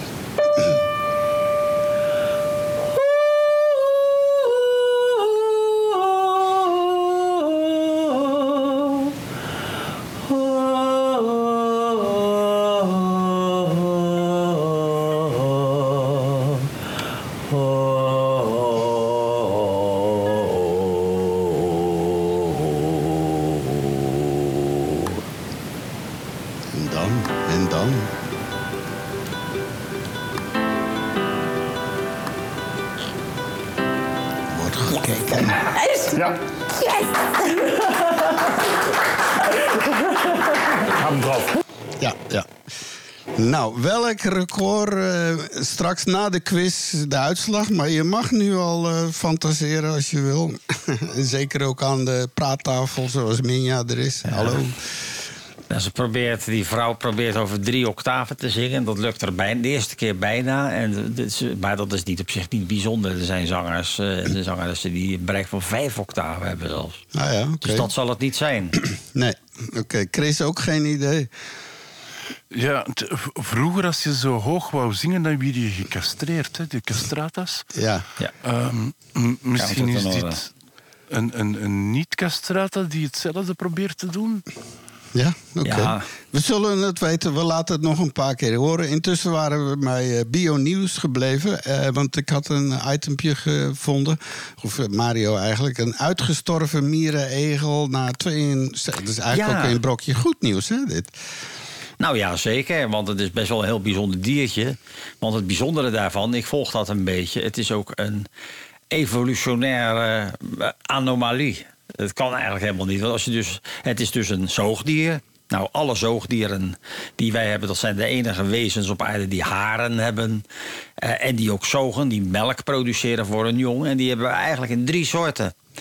Bijna 70% dat zijn de eh, placenta-zoogdieren. Dus dan de, de, de, de, de, de moeder draagt het kind in de buik en dat is verbonden aan de moeder via een placenta. Je hebt dan een 30% dat zijn buidelzoogdieren. Dat is de, de andere bubs. Waarbij dan het, eh, de, de bevalling, dan heb je een half afgebouwd organisme en dat moet naar boven kruipen en mag verder volgroeien in de buidel. En dat zijn, dan praat je dus, er zijn ongeveer 6500 soorten zoogdieren. En, en dan heb je nog een derde groepje en daar zitten er maar drie in. Dat is een evolutionaire pocket. En daar, dat zijn de monotremata. Dat zijn eierleggende zoogdieren. Ah ja, het vogelbekdier, geloof ik. Ja, dat is dus die, ja, de monotremata. Daar zit het vogelbekdier in. En twee soorten mierenegels. Dat is dus dit. Dat zijn dus inderdaad zoogdieren die eieren leggen. Maar wel zogen en melk produceren en haar hebben. Dus dat is echt een. Ja, dat zijn gewoon. eh, dat is heel bijzonder. Het is eigenlijk een soort levend fossiel, zou je kunnen zeggen. En nu hebben ze. En ze zijn bijna uitgestorven. Want ja. Eh, Het is niet, ja en, en het blijkt dat, die, dat, dat er dus nog een van die mierenegelsoorten eh, nog is. Want men dacht eigenlijk dat die al lang en breed uitgestorven zou zijn. Heel bijzonder diertje. Ja, het heeft ja. ook eh, trouwens niets te maken met een egel hoor. Nee, nee, maar het gebeurt meer met zoals die vis, die koelakant. En, en koelakant, een aant- aantal kortvinnige, jaren ja. geleden een soort hertje of zo in Vietnam of Laos Ja. daar ook. Ja. Dus Ja. Er is nog steeds veel te ontdekken, dacht ik. Hè? Heel veel. Ja, ja, ja, ja, zeker. De soorten komen en gaan. Dus het is fijn om eh, af en toe weer iets eh, te vinden wat, wat er nog niet, wat, waarvan men dacht dat het uitgestorven was. Ja, ja, en, en, maar nu eh, zijn er al die waarschuwingen dat we wederom met een massa-extinctie bezig zijn enzovoort. En Ja. Een hoop eh, wetenschappers die roepen van jongens, eh, terwijl ja, heel veel aandacht gaat er naar het klimaat en zo, maar, maar de gevolgen Ja. zijn niet alleen voor ons weer en overstromingen enzovoort, maar dat op de natuur. Want die, de vogels en de planten die, die zijn volledig in de war. Ik denk dat die er Nou niks ja, van snappen. Ik zei het er net al, al, als je kijkt naar de geschiedenis van leven op aarde, hebben we al vijf massa-extincties gehad. Dus vijf keer dat bijna alles uitstierf. En dit zou zomaar eh, het begin van de zesde extinctie kunnen zijn. En dat is niets nieuws. Dat gebeurt klaarblijkelijk om de zoveel tijd. Ja. Nou ja, we- Dus, maar ja, nu zitten we erbij, maar nu hebben we er zelf ook wel eh, enigszins mee te maken. Dat het wat, eh, wat sneller gaat dan dat het zou moeten, hè, denk ik. Ja, ja, ja, ja maar ja, op, op een geologische tijdschaal stellen we natuurlijk niet zoveel voor. Hè? Als je kijkt, de, de, de geschiedenis van het leven op aarde neemt. Als je zegt het is een boek van 10.000 pagina's, dan komt de mens, Homo sapiens, op de laatste pagina voor. De laatste vier regels. Ja, zoiets. hè. Dus, dus Het je is moet wel ons sterk. niet. eh, ja. Ah, omdat we dan op de laatste pagina komen, dat we het dan wel naar de klote helpen. Eh, nou zeker. Ja, omdat Zeker. het toch de laatste pagina is, dus wat de fuck. Het, verhaal moet, het verhaal moet afgerond worden, mensen, kom aan. Eh, ja, ja, ja. Maar ja, wie weet wat er, wat er na ons komt. Dat is toch ook heel boeiend. Ja. eh, ratten, kakkerlakken blijven over. En, Sasseviria's. Ja, nee, dat is waar. En waarschijnlijk gieren en dat soort beesten die, die helemaal weg kunnen met alles wat er overblijft. Ja, een soort Nou ja, inderdaad, als je kijkt, de grootste uitsterving was, zeg maar, eh, de- dat is eh, de, overgang van het, eh, dat is de per- triasperm-uitsterving. Eh, waarbij eigenlijk alles doodging. En het enige wat overleefde, dat waren de getijdendiertjes. Dus alles in zee was dood, alles wat op land was dood. De zuurstof, eh, er was veel minder zuurstof in de atmosfeer. Maar de, de getijdendiertjes, die, dan nog een, die, die konden dan nog enigszins een bestaan opbouwen. En daar begon het leven weer mee. Ja. En, nou ja, en, en de, de uitster- uitsterving daarna, dat was, eh, zeg maar, dat was in het eind van het krijt. Dat was die meteoriet die bij de Golf van Mexico in het water plonsde. Waardoor dus inderdaad, die was, dat was een stuk steen ter grootte van eh, ongeveer de, ei- van de Mount Everest. 12 kilometer ongeveer. Eh, en die zorgde ervoor dat inderdaad met zo'n enorme klap eh, al de, de wereld verduisterde. En inderdaad, wat ik al eerder zei. Dan gaan eerst de planten dood, en dan de planteneters en dan de vleeseters. En dan is er niks meer. Nee, nee. Het, het rare eraan is wel, dus wij sterven allemaal, alle planten sterven. En dan duizenden jaar later zijn wij allemaal olie of steenkool en kan alles terug opnieuw beginnen. Ja. Ja, En, en Nou ja, een- planten worden olie en steenkool, want dat gebeurde in het carbo Dus toen was er ja, mensen, mensen zal dat lot bespaard blijven, denk ik. Ja. Wij worden gewoon fossielen, zoals de dinosaurussen en zo nu. eh, Als, Eh, als als je geluk hebt, want het is natuurlijk 1 op de 100 miljoen of zo die fossiliseert. Maar er zijn heel of 1 op de zoveel miljoen. Maar inderdaad, de, er zal niet veel overblijven. En wa- waar hadden we het er net over? Ah, trabantjes. Van- Trabantjes zullen wel overblijven. Dat, eh, die, Ja, nou ja, de hele er carrosserie is over. van polyester en dat gaat dus nooit. Ja. Nou, en, en natuurlijk ook eh, Michael Jackson.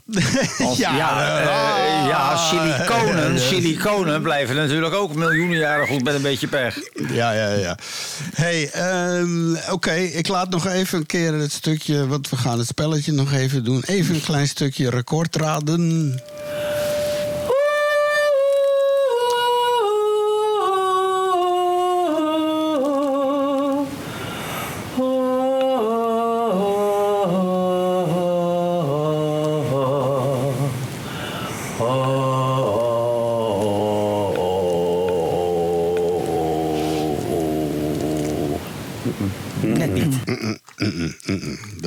mislukte poging, die lijkt heel erg op de geslaagde. Maar we zijn benieuwd naar je voorzetjes. Wat, welk record gaat hier gebroken worden? En dat is echt een officieel Guinness Book World Record. Ehm, nog steeds geen... Hoeveel octaven de gemiddelde zanger? Hoeveel octaven? Drie? Nou, Ivan wel de- eh, kon er vijf of zes, hè, bijvoorbeeld. Ja, Ja, maar de mensen... gemiddelde zanger, zo de, de, de normale mensen. In de pop, nou ligt eraan wie, over wie je bedoelt. Ik denk zo'n Mariah Carey, die komt daar wel aan meer dan 3,5 octaaf. Maar Ja. zo iemand als Bruce Springsteen zal niet veel meer Dat dan één. En, octaaf en eh, hebben. bijvoorbeeld Phil Collins was bekend, die heeft maar één octaaf. Dus al die Ja. hits die hij gemaakt heeft, allemaal bij I can't sing for fuck's sake, heeft hij altijd gezegd. Want hij was maar de drummer. Hij werd opeens naar voren gesmeten. Want ja, hij schreef wel Ja. leuke liedjes. Hij heeft goddomme, ik weet niet hoeveel platina bij elkaar geschreven. Maar hij had maar één, eh, één octaaf, Octaaf. bereik. Dus eh, ja, dat, Ja. het is wat je ermee doet, hè? Zo is en het, Sting, is het. Sting is bijvoorbeeld, eh, die was vroeger Roxanne. hè? En, als je denkt aan die gemiddelde, die heavy metal zangers zoals Van Halen en, en met die in de 80 en Die ook 90 aardig jaren, die glitter rock, dat was allemaal. Purple. Ja, maar ja, dat moest ook, want, want alleen dan kon je een zware bodem met veel gitaar en bas. Dus je moest een zanger hebben die in feite een castrato was. En dat waren al die zangers die, die uit die tijd, eh, die konden ja, Ja, inderdaad, luistert- boven die herrie uit. anders- ACDC, dat is, de- ACDC is, dat is net een boze dwerg die je hoort zingen. Ja, maar, maar die, komt wel eh, overal doorheen.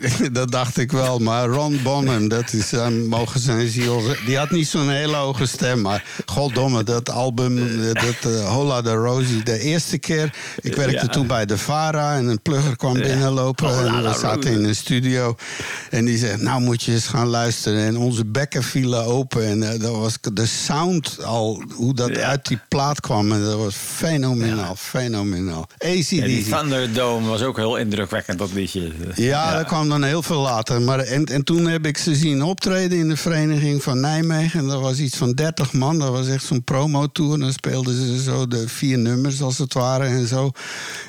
er kwam eigenlijk geen hond, ik weet niet waarvoor. En dan stond hij wel al met zijn schoolpakje en zijn petje op en zo. Heel die routine Oh, te ja. doen, wat hij nog steeds doet hoor. Maar het zijn Ja, maar dat deed toch alleen die gitarist, die had Ja, al ja, een dat is de- kostuumpje uit. En, en, en die zanger, die had echt altijd zo'n zo'n bretels en zo'n eh, petje. Ja, precies. Ja, John Bonham, maar die is eh, gestorven. hè. Die is vrij vroeg gestorven. Dus en daarna heeft eh, Sammy Hagar gezongen voor ze. En nu hebben ze weer een ander.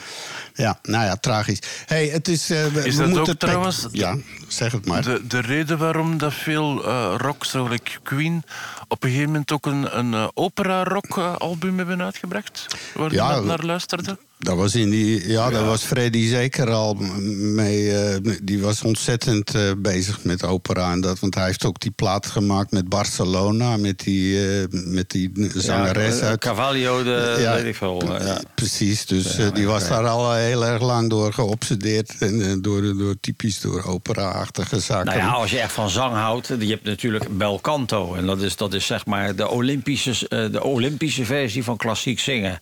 Dan moet je echt wat kunnen. En dat is helemaal niks. en dat is echt helemaal niks, eh, hoe nu zeg je dat, eh, te vergelijken met wat je dus nu hoort... met al dat, eh, met al, al dat aanpassen, met Antares Autotune en zo. Ja, maar dat, maar dat is inderdaad, ja, dat is iets wat de wereld ook veranderd heeft. En, en, en ja, dat, dat is niet meer weg te krijgen gewoon. eh, want je, je, je hebt nu een eh, nieuwe generatie zangers die kunnen zingen alsof het door autotune is. Die kunnen datzelfde effect akoestisch nadoen Nou, zonder dat ding. Maar dat kan in de opera al jaren, al sinds 1800.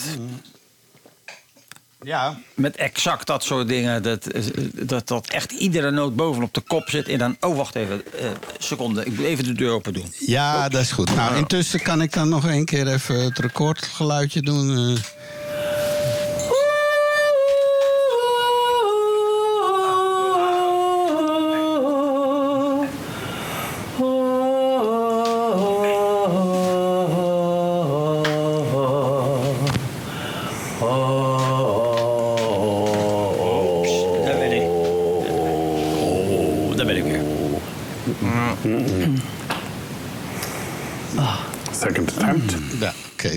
Dat was nog één keer. Minja in de chatroom. Mensen, kom naar de chatroom. Kom er gezellig bij. Het is Yes. zo eh, gezellig en warm. Je krijgt gewoon een warm gevoel van binnen. Praattafel.be, rode knop of schuine streep chat. Het is maar hoe je erin geraakt. Eh, Minja zegt het is misschien een poging om de grootst mogelijke stemomvang te bereiken, maar niet met het uitstoten van lucht, maar tijdens het inademen. Het is ook een suggestie. Hè? Nou, ga, kan je dan geluid produceren? Je kan wel fluiten, maar... eh, pro- Ja, Ja, een maar- soort circular breathing terwijl zingen. Ja, dat doen die, die mensen In daar uit... De, de- nee, die lui in... Eh, die Mongolië daar, die, eh, die Mongolië, die doen... Ja, dat is iets anders. Dat is, eh, eh, maar circular breathing, dat is echt... eh, Voor blazers. Dat komt echt uit de blazerswereld. Maar wat jij bedoelt Ja. is inderdaad die enharmonische boventonen. Ja, en die, dan, maar die eh, doen dat ook permanent. Hè? Die, die hebben een manier om dat eh, ook eh, zo permanent te doen. Hè? We hebben daar nog... eh, Circle breathing, dat is ook didgeridoo, hè, de Australiërs. eh. Precies. Ja, die moeten dat ook enzovoort. Hey, eh, het is intussen... Oh my god, het is intussen 12 uur geweest. Het is hoog Ja. tijd voor de quiz. Eh, pek en veren gaan we even nog op de plank leggen. Want we zitten nu in zo'n fijne, positieve sfeer. Laat de pek en veren maar over aan de mainstream media. Dus eh, Ja. ik denk dat hij zijn haar glad gaat strijken... en zijn glimmende jas Nou, en schoenen aan. Strek je aan. Enzovoort. En dan trappen we hem hier af als het goed gaat. Goedemiddag, wakkere praattafel podcastluisteraars op Radio Centraal. En welkom op de quiz van onze favoriete quiz. En voor vandaag hebben we weer een dozijn kakelverse, boeiende vragen. Waar... Ah, sorry, dat is mijn fout. Ja, soms loopt het mis. Ja, sorry, Heeft sorry, er al iemand Ja, ja, gewonnen? Er is al een winnaar. Ja. Nou, Oké, we gaan er gewoon in. Ja, ja, ja, ja, We- oké. We hebben er al genoeg gehoord. Het is een diabetes-quiz in elk geval. Je haalt de woorden uit mijn mond. Ja. Eh, kon je de diabetes ook maar ineens uithalen, dan was ik er vanaf. Eh maar het is dus vandaag Diabetes Aware Dag. En, en ik dacht, ja, wat beter dan een quiz over diabetes. Ja. Toch? Hè? Ja. Zo, zo leren we er nog iets van, hopelijk dan. Ja. Nou, En ehm ja, Diabetes mellitus is Vraag. Ja. één. Voilà, kijk, ik hoefde het al bijna niet te zeggen, eh, halverwege mijn zin. Was hij er al? Vraag 1. vraag 1 dus, wat is de belangrijkste functie van insuline in het lichaam? Is dat A, vertering van het voedsel, B, regulering van de bloedsuikerspiegel of C, bevordering van de spiergroei? De functie van insuline in het lichaam. Is dat voor de vertering van voedsel? Is dat B, regulering van de bloedsuikerspiegel? Of is dat C, bevordering van de spiergroei? ja. Nou, kom naar de praattafel Dat is een chatroom eenvoudig. met z'n allen. Gezellig meedoen, dan leer je nog wat. En het spannend en, enzovoort. Ja, keiboeiende zaken allemaal. Iedereen zegt B. Ja, dat was een eh, insmijtertje, hè, Mario. En het Een was inderdaad B. Ja. voor iedereen een punt. En dan vraag 2. Welk type diabetes wordt vaak geassocieerd met een auto- auto-immuunreactie tegen de insulineproceduren? Wacht, hè. Tegen de insulineprocedure zelf van de aasvleesklier. Ik kan hem nog eens lezen. Hè. Welk type diabetes wordt vaak geassocieerd met een auto-immuunreactie tegen de insulineprocedurecellen in de aasvleesklier? Is dat Alvleesklier. A? Alvleesklier, ja. Is dat A? ja. Ja, dat is hetgeen dat aangetast wordt hè, voor diabetes. En, eh, eh, is dat dus A, type eh 1 diabetes? Is dat B, type 2 diabetes? Of is dat C, zwangerschapsdiabetes? Hmm. Haha, wat een vraag. Eh, kan je het nog drie- voorlezen? Alleen de drie de antwoorden nog eens. Dus A. A, type 1. B, type 2. C, zwangerschapsdiabetes. Ik eh, heb Dus geen een idee meer wat de vraag auto-immuunreactie over... eh, ja, ja, ja, maar daar kan ik me wel iets bij voorstellen. Dat, eh, ja, Mhm. toch wel. Met mijn medische achtergrond, mijn kennis, mijn jarenlange Ja. opleiding Dus bij diabetes wordt de aalvleesklier aangetast dat die niet meer werkt. En dat komt niet meer goed. Ehm, Mario zegt A, het is de type 1. Ehm Istvan zegt C, het is een zwangerschaps. En Minja zegt C, eh, wat foutief is, want Mario had gelijk, het is type 1 diabetes. Hm, Oké. En dan zitten we al aan vraag 3. Welk van de volgende factoren kan de bloedsuikerspiegel verhogen? Is dat A, insuline? Is dat B, glucagon? Of is dat C, beide? Dus welke factoren kan de bloedsuikerspiegel verhogen? Is dat A, insuline? Is dat B, glucagon? Of is dat C, beiden?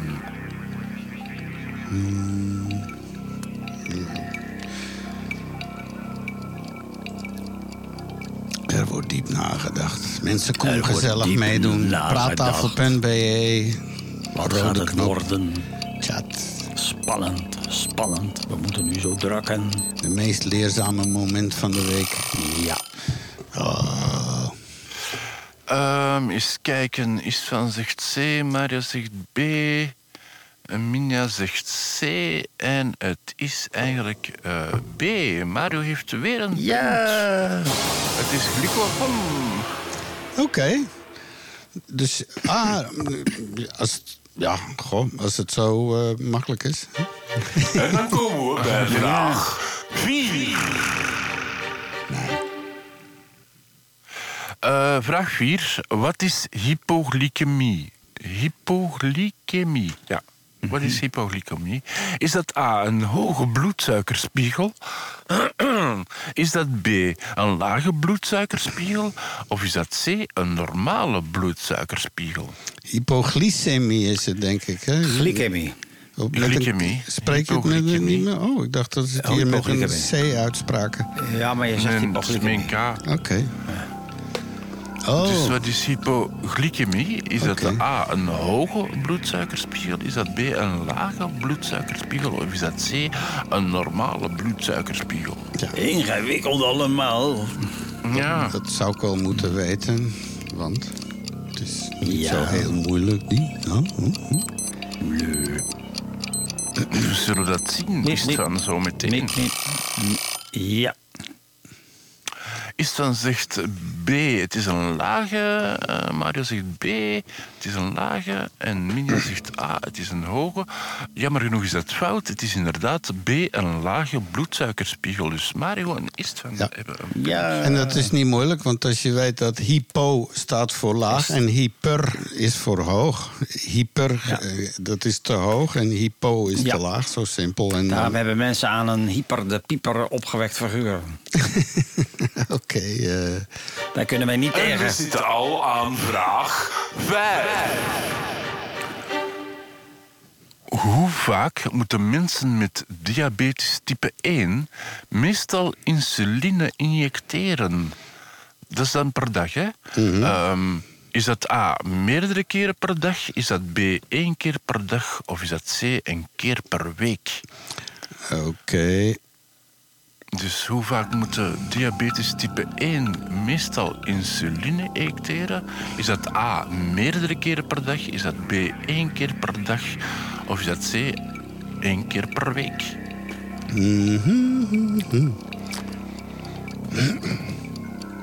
Jij, de- voor diabetes type 1 heb je tegenwoordig een chip die in je arm zit. Ja. Ja. En dan kan je met je gsm kijken hoe, hoe hoe met hoog je je bloed- bloedsuiker is. Ah. Ja, Ja. nee, zeker. Ja, ik, heb, ja, ik heb jaren geleden met een band gewerkt waarvan eh, de zanger eh, ook eh, moest injecteren en zo. En die had toen ook al een soort sensorimplantaat aan zijn gordel zitten, zo'n ding. Ja. Ja. Je, hebt ook, eh, je hebt ze ook al apparaten die dat voor je regelen. Ook, de- dat je ook niet meer hoeft te injecteren. Dat het gewoon zeg maar, automatisch gedoseerd wordt. Ja, ik denk dat mijn kozijn zoiets heeft. eh. Maar eh, terug op de vraag. Iedereen antwoordt A. En dat is inderdaad het juiste antwoord. Dus iedereen antwoordt. Ja. We hebben het middenpunt bereikt met vraag Ja. 6. Wat is het... Wat is een veelkomend, veel voorkomend symptoom van diabetes type 2? Is dat A. gewichtsverlies? Is dat B. overmatige dorst? Of is dat C. een lage bloeddruk? Mhm. Dus een veel voorkomend symptoom van diabetes type 2 is dat A. gewichtsverlies, is dat B. overmatige dorst of is dat C. lage bloeddruk? Ja, ik, ik kan het mijne zeggen, maar dan geef ik het antwoord, dus ik ga nog even wachten om dat eh, te zeggen. Mietmak, tik-tak, tik-tak, tik-tak, tik-tak. En ja. Iedereen antwoordt B en dat is inderdaad juist. Overmatige dorst. Voordat ik wist dat ik diabetes was, als ik dan... eh, ik kwam van de Albert Heijn en ik had een fles fruitsap bij, dat is 2 liter, hè, dat zijn die grote. Een fles melk is 2 liter. eh, twee flessen iced tea van 2 liter. En een fles limonade van 2 liter. En dat was allemaal op toen je thuis kwam. En toen wist je het. Drie uur later was dat op. Echt? Wauw. Drie- Dus dat is meer dan 10 liter. Dat was gewoon op. En dan dacht ik, ja, misschien moet ik eens langs mijn dokter gaan. En die zei van, oh ja, ik zal dus uw bloed onderzoeken. En die had bloed getrokken. En een uur later belde die, je moet onmiddellijk naar het ziekenhuis, want die kan zo doodvallen. Dus ik naar het ziekenhuis. En ben je toen doodgevallen? Wel, ik ben toen naar het ziekenhuis geweest. Eh, eh, Geert Beurens heeft mij toen nog gebracht. Dat was toen nog mijn buurman. En ehm, ze zeiden daar, ja, ja, nee meneer, het is erg. Je hebt echt je suikerwaarde. was iets van een 600 en zoveel, denk ik. Of 700 en zoveel. Wat normaal eigenlijk maar iets van een 80 tot 100 mag zijn. En eh, het is inderdaad heel, heel erg. Maar je moet naar huis, want we hebben geen bed voor u vandaag. Je moet morgen terugkomen. Ik zeg, ja, maar ik kan... Mijn dokter zei, je kan in slaap vallen en niet meer wakker worden. Oh ja, nee, zo erg is het nu ook weer niet. Dus, eh, Allemaal, allemaal op één lijn, lekker eenduidig, allemaal heerlijk.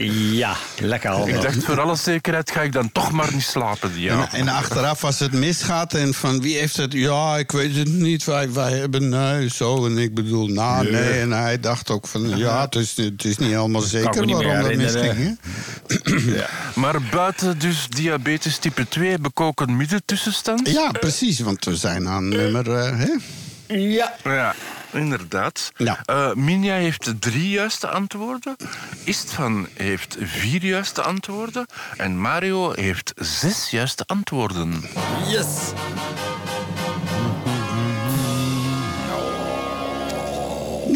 Nou, nou, dat geeft je wel weer moed, hè, Mario? Af en toe mag jij de Nou, leiding nemen. Af en Dus, toe, eh, eh, ja, ja, ja. nou, blij dat we. Gelukkig, nu gaat het tenminste ergens over. Hier komt vraag. Wacht, eh, nou, nog een keer. En jawel hoor, hier komt vraag 7. Ja, eh, welk orgaan is het meest direct betrokken bij het reguleren van de bloedsuikerspiegel? Is dat A, de lever? Is dat B, de nieren? Of is dat C, het hart? Hmm. Dus welk orgaan is het meest direct, direct hè, betrokken bij het reguleren van de bloedsuikerspiegel? Is dat A, de lever? Is dat B, de nieren? Of is dat C, het hart? Trouwens, de reden waarom dat je veel drinkt eh, als diabetes, of tenminste eh, als je de medicatie niet neemt, want eh, ik drink nu niet meer 8 liter per uur, eh, eh, is omdat je pancreas dus, hè, je aasvleesklier, eh, denkt van, oh, ehm, er moet gespoeld worden, er is te veel suiker. En die blijft dat doen. Dus je, je krijgt dorst, dorst, Ja, ja. dorst. Nou, zeker. Het wil verdunnen. Ja. Nou, Oké, ehm, de antwoorden. Minja zegt het is de lever. Eh Istvan zegt het zijn de nieren. En Mario eh, krijgt dan weer een punt, want het is inderdaad de lever. oh, mm, Dan, wordt in- dan worden de suikers opgeslagen in de vorm van glycogeen. Ja. Dus alright. Minja en, Istvan, eh, en Mario een puntje. ja. Ja, ik niet. Oh. En dan maken we plaats voor vraag 8. Wat is de A1C-test bij diabeten? Is dat A een test voor allergieën? Is dat B een test voor de nierfunctie? Of is dat C een test voor langdurige bloedsuikercontrole? Ik hoop dat ik Dus daar nooit achter kom. Maar wa- de- hoe Ja. heet die test? De Zo met- AC1-test? Zometeen zal je erachter komen. Hè. Is het van, dus wat is de A1C-test bij diabeten? A1C. A1C, dus A, nummer 1 en Ja. C. Ja? Ja, Nooit van. Nou, En dat, wat doet dat? Eh, de- ja, dat, dat is de vraag, hè, Mario, wat dat doet. Maar is dat Maar wat waren de mogelijke antwoorden? d- ja, als je me laat spreken, is dat A, een test voor allergieën? Ja, je mag dat muziekje laten lopen. dan, eh, is, dan, is dat dus A, een test voor allergieën? Is dat B, een test voor de nier, nierfunctie? Of is dat C, een test voor langdurige bloedsuikercontrole?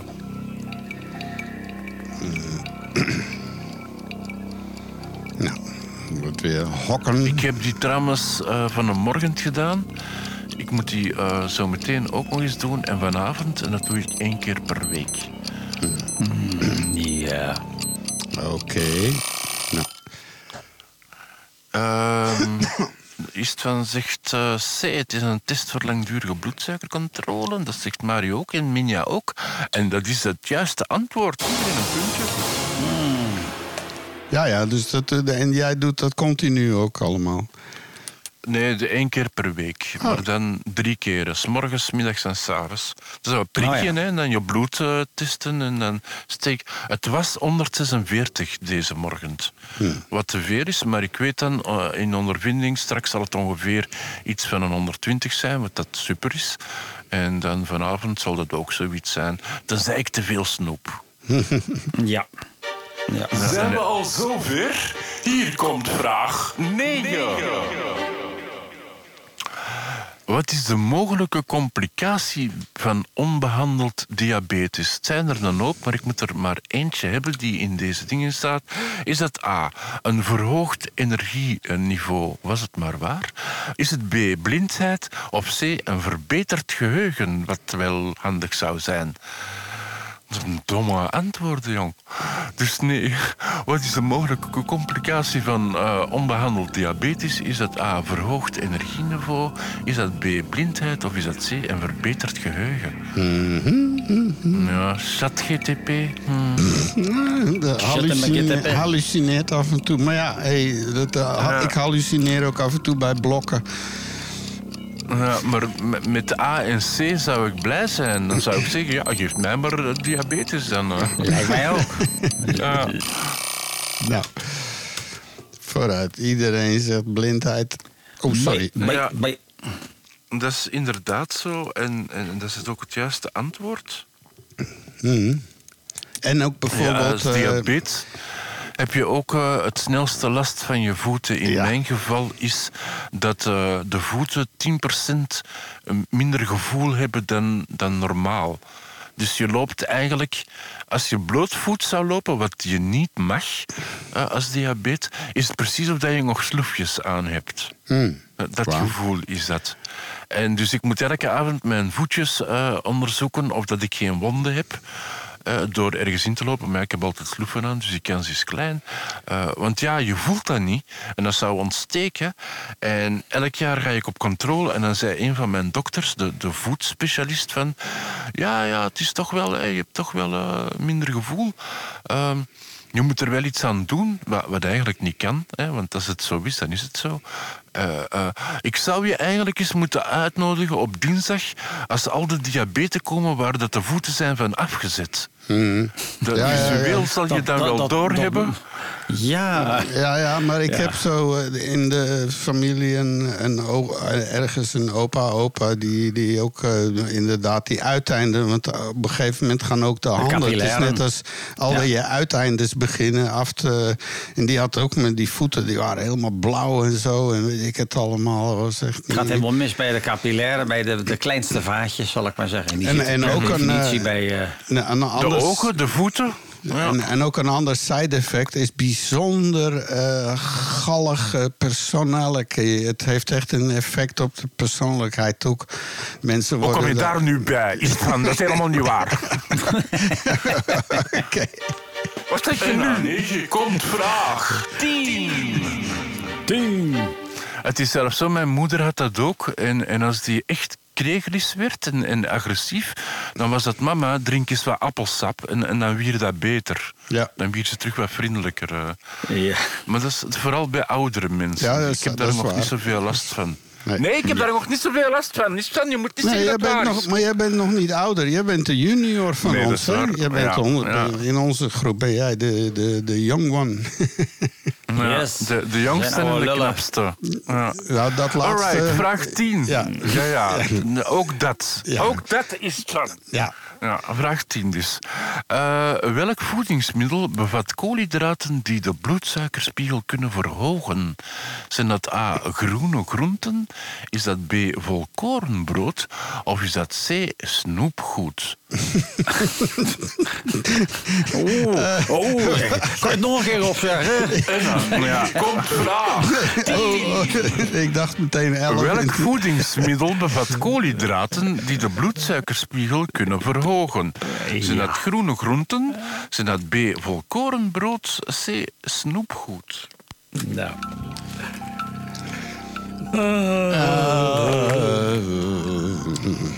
En nou, snoepgoed gesproken. Ik heb hier nog een doorstaan van Halloween. Even wachten.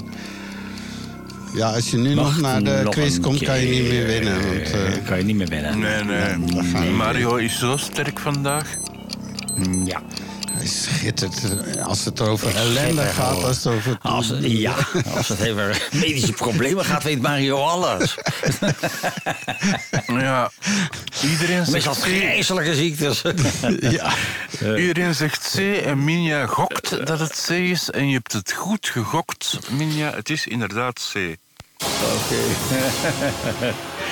We zijn er bijna door, want hier komt vraag 11. 11. Wat is de functie van glucagoon in het lichaam? Glucagon, ja. Is dat het verlagen van de bloedsuikerspiegel? Is dat B, het verhogen van de bloedsuikerspiegel? Of is dat C, ondersteunen van de spijsvertering?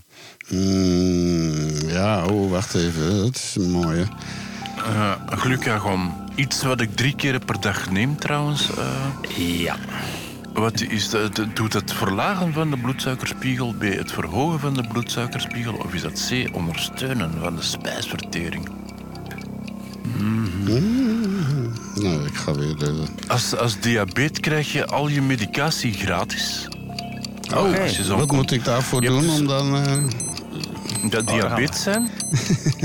en eh, dan heb je een contract dat getekend wordt door het ziekenhuis, waar dat je jaarlijks op een onderzoek gaat.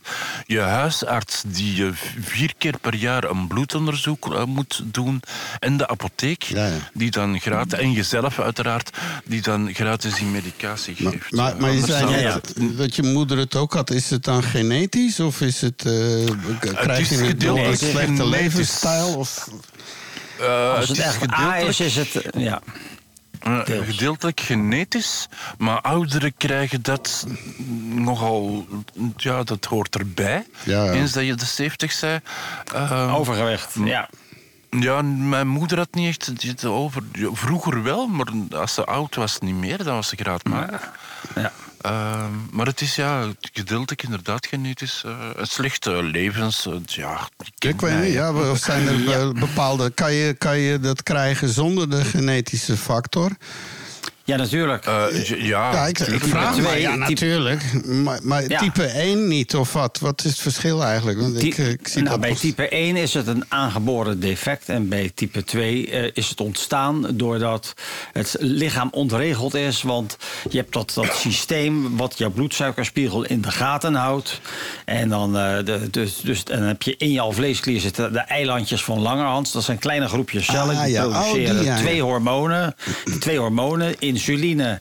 Als er te veel suiker in je bloed zit, dan wordt de insuline eh, dan. En als er te weinig in zit, daarom heb ik het nu weer goed, eh, wordt het andere hormoontje gemaakt en dat is glucagon. Oké, nou, nu komt En het dan, antwoord. wordt, en dan worden die. En Ja. dus eh, als de insuline zorgt ervoor dat die suikers dan worden opgeslagen in je spieren en in, in de lever in de vorm van glycogeen. En heb je, als je bijvoorbeeld een pizza hebt gegeten en je gaat op de bank, op de bank knorren, heb je die suikers niet nodig, wordt het opgeslagen.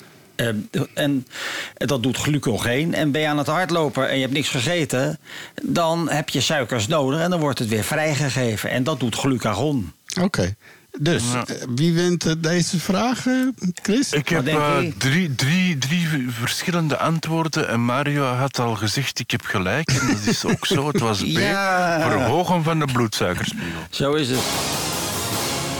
En dat houdt dan in dat we naar...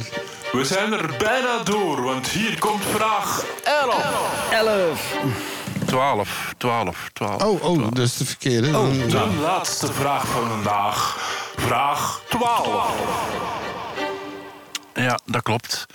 Welke type diabetes komt meestal voor bij volwassenen en kan vaak worden beheerst met levensstijlaanpassingen? Is het A, type 1 diabetes? Mario heeft er straks eigenlijk het antwoord al gegeven. maar. B, type 2 diabetes? Of is dat C, zwangerschapsdiabetes? Dus welke type diabetes kan meestal voor bij volwassenen en kan vaak worden beheerst met de levensstijlaanpassingen? Had ik maar net opgelet ja, wat ja. Mario zei allemaal. Ja, dus, Ja, Is dat type 1, Hij is dat type 2 altijd. of zwangerschapsdiabetes? komt altijd heel veel woorden per minuut zo. Ja. Trouwens, ehm, levensstijlaanpassingen. Het is sowieso, als je diabetes bent, ben je dat voor de rest van je leven. Ja, je kan er niet Eh, meer van is- genezen of zo. Nee. Nee, je kan het beter. Het hele kan- systeem is ontregeld, zeg maar. Ja. Dus, dus het is En ook geen transplantatie of zo, nieuwe eilandjes of zo, nieuwe eilandjes laten plaatsen. Nee, dat, dat kan helaas nog niet. Dat is wat de alvleesklier, dat is een heel ingewikkeld ding. Dat is de enige eh, klier in het lichaam die zowel exocrine als endocrine is. Met andere woorden, die loost en prut in, in de bloedstroom, dat, door die eilandjes van Langerhans.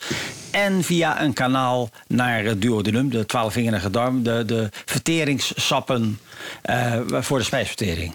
Dus een heel bijzonder ding. Is ook onmogelijk te repareren. Vandaar dat alvleesklierkanker ook eigenlijk altijd een, direct een doodsvonnis is. En het- er zijn nog geen transplantatie. tran- Dat transplanteren dat gaat gewoon niet. Daar is het te complex voor. Nog niet, en ook geen zwijntjes Nog niet. en zo, nog niet. Maar daar gaan we op wachten. Nee. Hey, maar nu we toch... Dus het, ja, antwoord, het antwoord is B. Ik weet niet waarom dat je A hebt gezet, eh, is het van. Maar het is dus B, het is het type 2. Dus ja, als je gezond eet, genoeg beweegt, ehm, heb je er minder last van. en, en bij Ehm, type het- 1, die, die zijn eraan voor de moeite. Die, daar is niks die mogelijk. moeten constant de, ehm, gecontroleerd worden en spuiten. Hè. Dat is niet Ja. meer te verhelpen. eh. Oh, wauw. Ja. Oh, en nu de uitslag. Ik ben erg benieuwd. Wie heeft er gewonnen? Wie heeft er gewonnen? nou, wie heeft er verloren? Laat ik het zo zeggen. Het is... ehm, ja, wie heeft er verloren? Daar Dat ben ik waarschijnlijk. Ja, ja, ja, het is Ja. goed. Deze kan ik hebben. Met, ja, met zeven juiste antwoorden, wat dan nog wel redelijk goed is. Oh, wauw. eh, vind ik. Je Oh bent my er door. God. Je bent verloren, maar je bent er wel door. Ehm, eh, Minja heeft acht juiste antwoorden. En voor de eerste keer eh, in de geschiedenis van de praattafel is er iemand die alle twaalf juiste antwoorden heeft. Dat. Yay! Mm, Oké. Wacht even, wacht even, wacht even. Dan moet ik ook even zo doen. Yes! Thank you! Wow, yeah! Zo, Ik denk ook dat we Mag ik ook een keertje doen? Ja, onze bijdrage hebben geleverd voor de Werelddiabetesdag vandaag. Ik hoop dat mensen geluisterd hebben. En, en doe er iets aan. Mensen laat je controleren, je weet nooit. Eh, Je kan er beter op tijd bij zijn. Dan kan je het Sluipende. allemaal nog onder controle houden. Ja. Ja, Ja, nu we toch ja. eh, bij dat blokje, je verwacht nu een blokje kosmos. Maar omdat we nu toch in het diabetes thema zitten, laten we maar wat dingetjes erbij doen eh, die, die ik had opgepikt. eh, want er is nu een hoop aan de gang, vooral op het vlak van eh, gewichtsverlies. Hè? Want je had dan eh, Ozempic. En vooral, Ja, eh, dat gebruik dan- ik trouwens ook. Ja, en Ja. eh, in Amerika is dat nu eh, ook eh, helemaal de waan van de dag geworden. Want ja, iedereen die wil. En vooral daar hebben ze echt een enorm gewichtsprobleem. En enorm bedoel ik echt enorm. En als je dan die reclames ziet, die mensen die... Ja, ik woog 350 pond en nu nog maar 270. En zo, dat is nog steeds... maar ja, het- is wel een enorm verschil natuurlijk. Hè? En, ja, ja, ja. en nu, is er een, nu is er een nieuwe speler op de markt. En eh, dat wil ik wel even laten horen. We want to turn to gastroenterologist Dr. Rashni Raj. Dr. Raj, good morning. So, Good morning. It, so this is similar to something that's already on the market. So what's the innovation here? What's different? Well, it's a little bit of a different ingredient, and just like the other weight loss injectables, this started as a diabetes drug. Now it's being approved for people who are obese or who are overweight with one or more weight related conditions. Uh, what's different about it is it not only mimics the hormone GLP 1, it also mimics another hormone called GIP. So you're kind of getting a double whammy effect on appetite control, which is, of course, regulated by the brain. It also has some effects on insulin and so blood sugar metabolism and fat metabolism as well. So the studies did show it had actually a little bit of an increased efficacy compared to the uh, prior injectable. So that's al- always good news. Ja, dus, dus echt goed nieuws. Er is een, eh, dit is een typische medicijn dat al bestond. eh, en het wordt gemarket onder Zepbound.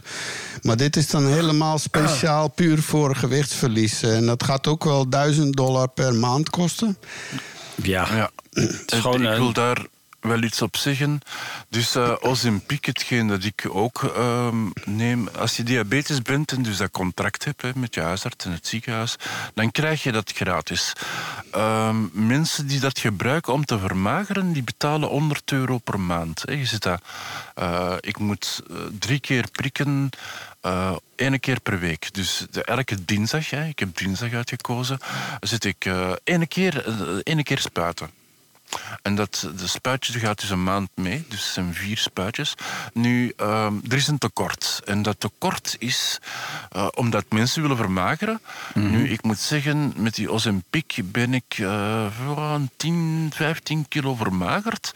En dan Doe maar. stopt het. Je moet ook wel eh, gaan fitnessen, wil je verder vermageren. Dus Ja, ja. Ja. het is niet dat je blijft vermageren, nee, nee het stopt. Eh, wat doet dat eigenlijk?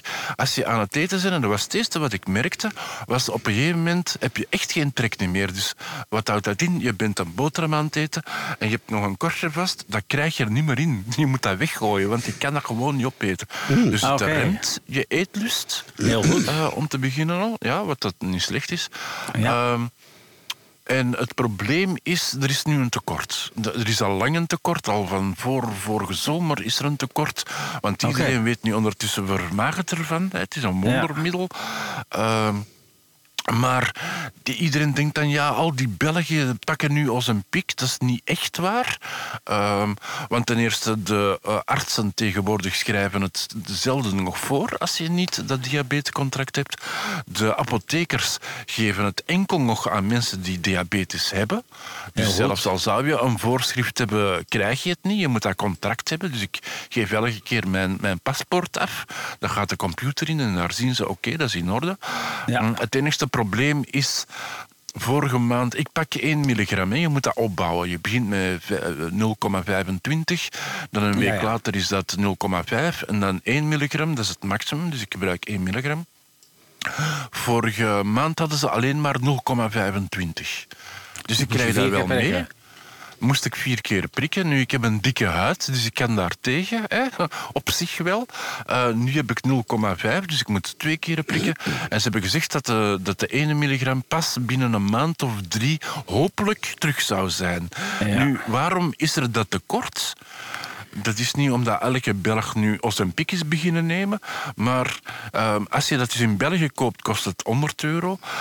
In Amerika kost het 1200 euro. Ja. Dus de fabrikant verkoopt liever aan Amerika. Want Ja. daar kunnen ze tien keer meer verdienen dan dat ze het in België verkopen. Maar ze hebben wel dat contract met België, dus ze moeten wel leveren. Maar het is het minimum minimum dat, Ja, dat nou ze ja. leveren. Dat zie je ook in Nederland. Het is natuurlijk, eh, je kan het ook kopen, gewoon in Nederland. Wil je het doen, dus wil je het dus kopen om gewoon af te vallen... en je bent niet diabetes, je hebt geen diabetes mellitus... eh, dan, eh, dan, dan heb je een heel grijs circuit en dat kost... Ik heb ooit eens ergens gelezen dat je dan gemiddeld 400 euro per maand kwijt bent. Ja. Maar inderdaad, op het moment dat, dat een farmaceut geld ruikt... Dan, ja, dan komt de patiënt pas op de tweede plaats, ben ik bang. Ja, er is maar ook- eh, bijwerkingen, heb je, dat, heb je daar wel, wel eh, merk je iets Nee. verder van bijwerkingen? Niks? Nee, er wordt gezegd, en ik heb dat toen ook gegoogeld, misselijkheid in het begin en zo. Ik heb dat eigenlijk allemaal niet gehad. Ja, je bent Oh, af en toe misselijkmakend, maar, maar inderdaad, dat niet. Sorry, Ja, dat zouden we niet meer doen. We zouden dat niet meer doen. We zouden aardig Maar een open deur intrappen zou- kan ik niet. Ja, ik zal dan nog wat relevanter nieuws brengen in plaats van gezwans, eh, is het van. Eh, maar ik bedoel, het, het probleem is niet dat de fabrikant kan zeggen: oké, we, we verdubbelen de capaciteit, we maken een grotere fabriek. Dat is niet het probleem, het zijn de ingrediënten. zijn niet zo simpel om te bekomen, blijkt. Ja, ja. Maar ja, die eh, Ja, en- Eli Lilly, ik heb het over dat nieuwe spul, die eh Zepbound. En het is trouwens ook in Engeland goedgekeurd. Dus voor als iemand wat centen heeft, dan spring je in de Eurostar. S ochtends en naar Londen en Ja. hoppakee. En je haalt een voorraadje van die troepen. Tuurlijk. ja. En je kan desnoods daar naar Polen vliegen bij de supermarkt en als je dan de apotheek. Ja, en dan nog eh, goedkoper thuis uitkomen. Ja, de- ja, dus dat maar ja, kan. al met al, al met al is dat absoluut goed nieuws dat er ineens dit, deze doorbraak is over. Maar ja, Ja. het haalt natuurlijk dan wel iets naar boven dat de mensen makkelijker gaan denken: oh, ik pak nog een colaatje, oh, ik pak nog een pizza, want als het uit de Dat hand loopt, dan eh, poep, Nou, en dan sterker heb nog, ik een. ik eh, heb-? Ik heb zelfs een keertje een docu gezien, dat is de Bloody Limit van eh, een, een dikke vrouw die een maagverkleining kreeg. En dus aangewezen was, want ze wilde graag afvallen, en was aangewezen op vloeibaar voedsel. En dan zie je dat ze een pizza in de blender doet. Kun je het je voorstellen? Ja. Dan spoor je toch niet helemaal, hè? dus, nee. dus je, je, Pizza in de blender. Maar ja, dat dan was wordt het vast op- vloeibaar op en dan kan je het naar TLC. binnen schuiven. Dat was vast op TLC of zo. eh. Zou kunnen. Ik, Ja, maar ja. ik- ja, al de Learning vermoedelijk, maar- Channel was dat ooit. Maar dat, maar dat is. Ja, dat- ik, ik begrijp. Ja, ik, het is natuurlijk best wel eh, heel ik- triest. niemand, Ja. ik ook niet, jij ook niet, niemand begrijpt er geen ene bal van. Als Mr. Zeven aan tafel. Eén broodje kosmos. 10, 9, ignition sequence start. 6, 5, 4, 3, 2, 1. Kabumzo! Eh, Even wat stof uit de zender blazen. Eh, Radio Centraal is onze host nog Ja. De radio, de meest originele radio van Antwerpen. Ik moet er even bij zeggen, wij hebben uw steun hard nodig. Als je het kan missen, 5 euro per maand of zo, de prijs van een biertje. Ga naar, praat, eh, naar radiocentraal.be en daar is een grote Ja, het is voor de zender, hè? Is het van? Ja, dat is voor de zender. Hè. Onze, onze gastheren Ja. zijn dat. Hè. Wij, wij, wij, Ja, niet voor ons, maar, maar voor de zender. Ja, zeker niet voor ons. Zo Wij is zijn onzelfbaatzuchtig enzovoort. Wij drinken dat biertje zelf. Ja. Ja. ja. Hey, ehm, ja, een kort blokje kosmos. Want het is allemaal wat uit aan het lopen. Maar ja, diabetes is natuurlijk hartstikke belangrijk.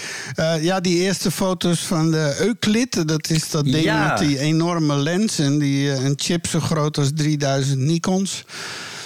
Ja, ja, het is dus zeg maar.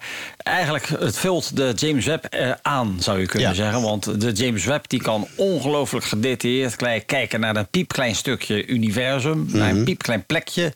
En de Euclid, ja, dat is eigenlijk de breedbeeldversie. Dat is een, als, als, de, als de James Webb een Mhm. macro-camera is, dan, of een telefotocamera, dan is de, de Euclid is de, is de eh, breedbeeld panorama versie. En dat is dus het mooie daarvan. Want, want dan, dan zie je dus inderdaad.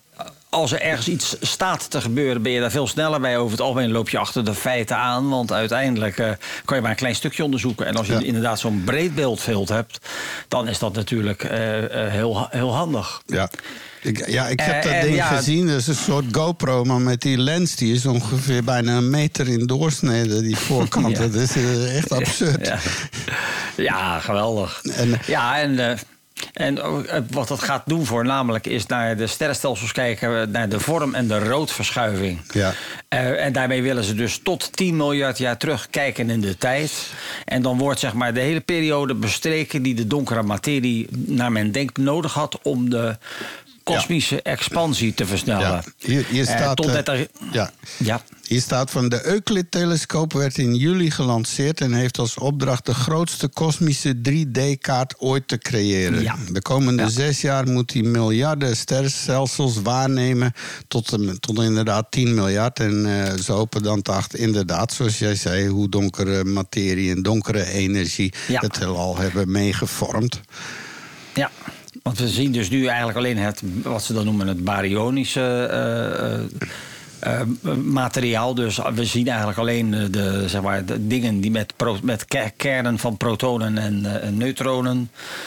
Eh, maar we, en heel veel missen we. Eh, want recente berekeningen laten zien dat de gewone zichtbare materie slechts 4% is van de totale aanwezige massa in het heelal.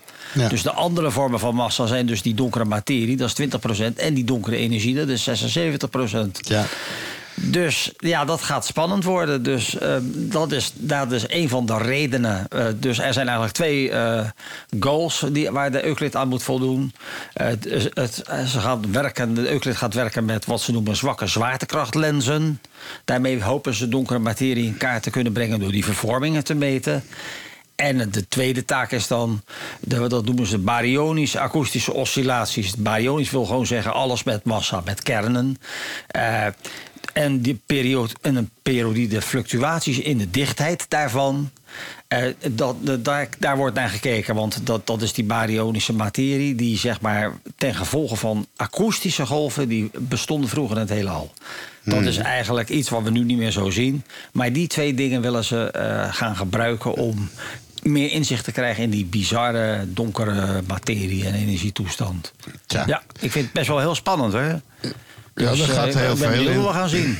Er gaat heel veel in de ronde nu, vooral eh, wat, door wat inderdaad die eh, James Webb aan het doen is. Die, die gooit toch Ja, wel een hoop stof op. Maar nu Euclid gaat Ja. dat ook doen. En het gaat Ja. allemaal exponentieel eh, gaat het ineens. Want, Ja, nou en dan je- nog de detectoren, hè, de, de LIGO's, de, die, die zwaartekrachtgolven. Dat is ook eigenlijk, gaat ook gigantische vormen aannemen. Het is een interessante tijd. Zeker dat, weten. Hoe zo. zit het trouwens met die, met die ruimtepot? Hebben ze die nu al open gekregen Nou, dat weet ik niet. Dat is eigenlijk helemaal... eh, ik denk dat dat too embarrassing to publish is of zo. Van, laten we even maar niks zeggen totdat we dat uitgevallen hebben. Of zo. Oké. Ik weet het niet. Ik weet het Ja. niet, hè. Pure aannames. Nee, dat gaat heel lang duren. Dat, zei, dat gaat heel lang duren. Maar we hadden het Ja. net over die eh, rots die 65 miljoen jaar geleden de arme dinosaurusjes en zo. eh, alleen de kippetjes Ja. zijn nou. Kippen zijn familie daarvan. Hè? Die, die zijn Nou ja, vogels. Vogels. Vogels het algemeen, ja. Maar ehm, er is op 13 juli 2023 scheerde planetoïde 2023, dus dat is dit jaar, want dan is die pas ontdekt. En NT niet gezien of zo, op een afstand van 100.000 kilometer. Dat is dus eh, tussen de aarde en de maan. Dat is redelijk dichtbij. ja. Ja, en ja. niemand had dat in de gaten en niemand Nee. heeft dat ding gezien. Dus we zijn daar Nee, aan voor de moeite. niet.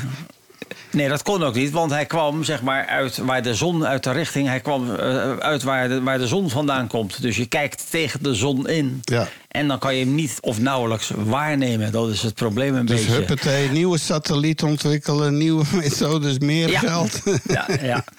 Maar, maar kijk, dat ding, dat was eh, eh, 30 meter of zo. Hè? En, en wat, wat zeg maar, de, de, de dinosauriërs, Eh. 66, miljoen- 66 miljoen jaar geleden, dat was de Mount Everest. Hè? Dat was een, een brok van 12 kilometer. Die in, eh, en dat was geen 30 meter. Dus Nee, nee, het zal maar- wel een aardige klap geven, 30 meter. En eh, ja, goh, als dat op, op, op Moskou zou, ko- zou komen, ja, dan heb je geen Moskou meer. Maar daar zou ik zelf niet al te rouwig om zijn. Maar je begrijpt wat ik bedoel. Ja, die- dan, dan, dan draait het hier gewoon verder door. Dat Ja. ding wat boven Rusland is ontploft een paar jaar geleden. Dat was Oh iets van 6, Tunguska. 7 meter. Nee, nee, dat was, Ja. er was er een misschien 5, 6 jaar geleden, toch? Je zag ook al Oh, die, in die auto's, eh, al die flitsen en zo. Dat was, dat was, Ze zeggen dat was iets van ook 4, 5 meter doorsnee of zo. Ja. En wat ook natuurlijk meespeelt is eh, hoe lang gaat hij door de atmosfeer heen? Want als hij dus zeg maar eh, schuin aan komt vliegen met een steile hoek. Ja, dan, dan moet hij een heel eind gaat hij door, door de atmosfeer heen, waardoor die behoorlijk wordt afgeremd. Maar Ja. als hij dus echt een hoek van 90 graden maakt, dan, dan, dan is die klap veel groter natuurlijk. Er zijn dus ook, ook eh, de, de, Ja, er zijn ook beelden van die dingen die dus net de atmosfeer even raken en dan gewoon verder doorvliegen. Hè? De- de- het Ja. is, dat, een schampschot is dat letterlijk. ja. Alright. ja, dus, we, dus ja, we hoeven ons niet zo'n zorgen te maken, denk ik. We laten alle zorgen los, Mario. Want eh, Ja. Favoriete quiz brengt u gedicht erbij. En we houden het vandaag in het thema van eh, diabetes. Je kan er heel goed mee leven. Dus hebben we een vrolijk gedicht. Afscheid van een levensavond. Ja, van Willem Wilmink. De, ook zo een van die dichters waar dat ik af en toe naar grijp. En eh, hij heeft inderdaad eh, een gedicht geschreven over het leven met diabetes. Wat eh, vandaag weer eens fantastisch wordt begeleid door de muzikale Mario. Ja, wat wil je meer? Ja, wat wil je meer? Eh, we gaan het heel spannend maken. Dus Willem Wilmink, een prachtig gedicht.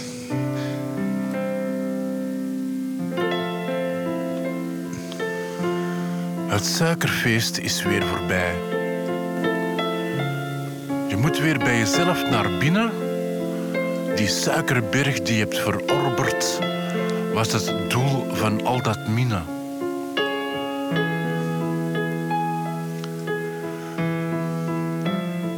Je blik wordt troebel, ijl en loom. Je moet een druppel laten plengen en schouderophalend aanvaarden dat langzaam het gaas der liefde dringt.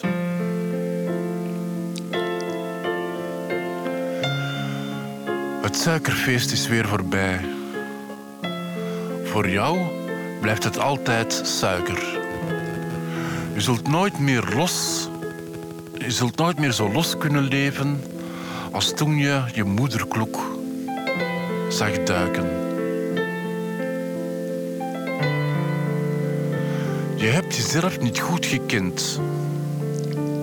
Dat maakt die suikerberg wel duidelijk. Maar dit besef is een arm gezelschap voor een diep donker leven. Wat zal ik van je overhouden? Een schaduw, een droom van vroeger.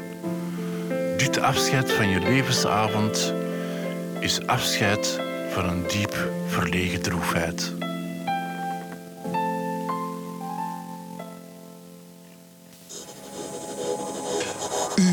Luistert naar Radio Centraal op FM 106.7, DAB+, en livestream. En dat was ons toertje. Nou, dat is een mooi gedicht wel hoor. Krachtig spul. Ja, dat is echt iets Het voor suikerfeest voor- is weer voorbij. Een beetje een Ja. uitvaartstemming, wel een uitvaart. eh, Ja. ja. Nou, het suikerfeest, dat is wel een, een dingetje hier altijd hoor. Met, met onze moslimbevolking. Dat is bij jullie ook zo, neem ik aan. Het einde van de Ramadan. Ja, ja, ja. Een groot gedeelte van, van de moslims hebben ook de diabetes. Eh, Want die hebben nogal een zoete... Als je naar zo'n bakker gaat en je koopt daar van die gebakjes, er loopt de stroop gewoon uit. Mhm. Ja, nou ja, kijk, wat denk je van eh, die, die Turkse, die baklava en zo? Ja, dat ja, is ja. meer en meer zoet natuurlijk. Shay is daar helemaal gek op. Dat is gewoon eigenlijk honing met, met die eh, wat bijenspul en wat meel en zo. Maar het is 90% honing. Suiker, ja. En, eh, Heel zoet allemaal. Ja, En Marsepein, dat vond ik ook zo vreselijk. En vandaar ook, dat, vandaar ook dat vooral de dames, eh, Marokkaanse dames en ook Turkse dames er op wat latere leeftijd vaak toch redelijk bol uitzien. Want ze vinden dat Nou, erg lekker je- allemaal. zeker, ja, zeker. Als je dus kijkt, eh, dat heeft alles te maken met voeding. Ik bedoel, als je een, een, een 70-jarige Japanse vrouw ziet, dan is het een slanke den. En zie je een eh, 70-jarige eh, Surinaamse vrouw, dan heeft ze vaak de omvang van een glasbak. Dus dat heeft te maken met de hoeveelheid vet eigenlijk die je naar binnen schuift. En, ja, en, en vlees. In Japan eh, heeft, is men veel meer gericht op vis. Ja. Wat dus ook andere problemen veroorzaakt. Maar in ieder geval, je hebt daar wel veel minder obesitas en zo. Nee, nee. Ja. hey, we zijn Maar je hebt aangekomen... ook die, Ja, die eh, comedian Kam- Kamal, die Marokkaanse Ja, comedian. ja, ja. Die was eh, ja, obese en dan was hij plots heel mager. Maar ik heb die onlangs zien optreden op tv. En die is terug... Ja, zo'n olifant is misschien... Ja, die is, die is inderdaad eh, behoorlijk... eh, ja, ja, Beetje Magie de Blok. Ja, ja, ja, dat Ja, kan aan allerlei dingen liggen. hè. Dat hoeft niet per se met diabetes te maken. Maar hey, we hebben nog een laatste tien minuten over voor eh, goed nieuws. Want ja, waar is Ehm, het tegen? ja. Is het van, sorry dat ik je stoor, Sorry. maar ik ben altijd benieuwd Ah, voor dat ja. record te raden. Ah, oké. Ik laat hem nog één keer horen. Dat is waar, ja. Inderdaad.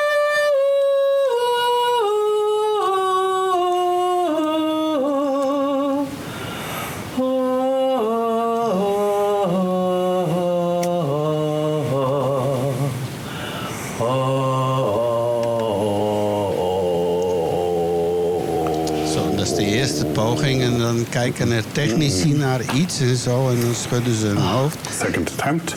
Second attempt, ja. Zo. Oeh, zegt ze. Nou.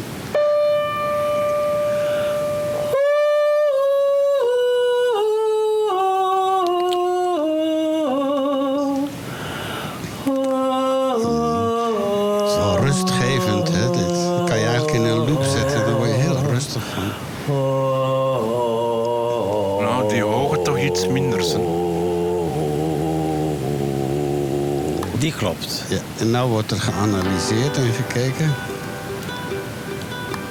En wordt goedgekeurd door de technicus en de notaris.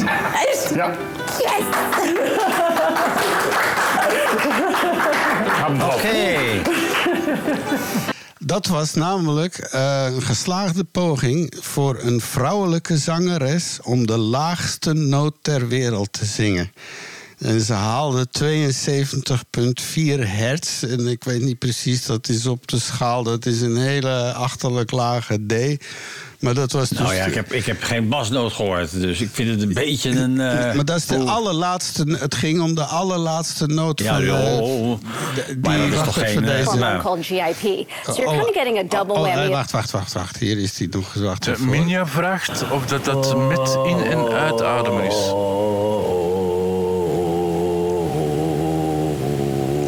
Die gaat het. die. Dat is, dat is Ja. uiteindelijk de 72 eh, hertz. En, Ja, dat is officieel uitge... En voor, een vrouw, voor een vrouw. Een mannenbassen die kunnen... Dus, eh, Nou ja, laat ik het zo zeggen. Als ik, op, mm, ik ga dadelijk weer kaas halen op de markt. Maar ik sta dan regelmatig naast een vrouw bij de aardappelboer. En als ik die dan hoor zeggen... Doe mij maar een kilo aardappelen. Dan weet ik gelijk al. Dat zijn drie pakjes per dag. En is haar stem lager dan Boris Karloff, zou ik maar zeggen. Even kijken hoor. Eh, maar ja, Nou, ik zet de link... Ah ja, hier Zang, staat ze. zang, zang. Hier. Hello, my name is Helen Leahy. I'm a musician. I'm 31 years old, and today I'm going to attempt to break a world record for the lowest vocal note by a female. Lägelastigt, das ist gut. Ja, dus het is allemaal heel officieel met notarissen en muzikologen. En, eh, ze maken Ja, dan- en, en is het dan wel een echte vrouw? Dat het geen transgender is? Hè? Die dus, eh, dat- hè? Nee, nee, nee, we zijn nee. streng daarin, hè? Nee, gaan we. Nee, 72,5 hertz. En eh, muzikaal was het. wa- wat stond hier dan? Dat stond er hier ergens bij. Eh, eh, eh, wat is het? Op de schaal. Vijf. Het is een. maar, want jij hebt daar een piano, hè? Nou ja, ik zie het hier nu. eh. Dat, dat komt overeen met een eh pianonoot. Ik dacht dat het een laagste B was of zo. Ah, G was dat. Even kijken. Ja. Kunnen we misschien in onze laatste tijd nog iets positief en goed zeggen? En ik zou dan zeggen, laten we nog even eh, de Belgische eh, volleybalploeg of beachvolleybalploeg Ah, ja. passeren. Want daar mogen we eigenlijk wel trots op zijn. Prachtverhaal. zelf. toch? Prachtverhaal. Ja. Wel, wat is het? ehm, dus je, hebt beachvolleybal, dat zijn twee personen en die spelen tegen twee personen, hè, beachvolleybal. En die werden eigenlijk niet gesponsord door de eh, Sportbond. Er was geen budget, ze kregen 2000 euro om in Thailand de wereldtitel te proberen halen. Eh, maar dat was niet genoeg, dus ze hebben eh, aan andere mensen gevraagd, want ze hadden nog 7000 euro nodig, dacht ik, hè, voor ticketten en, en hotel en zo.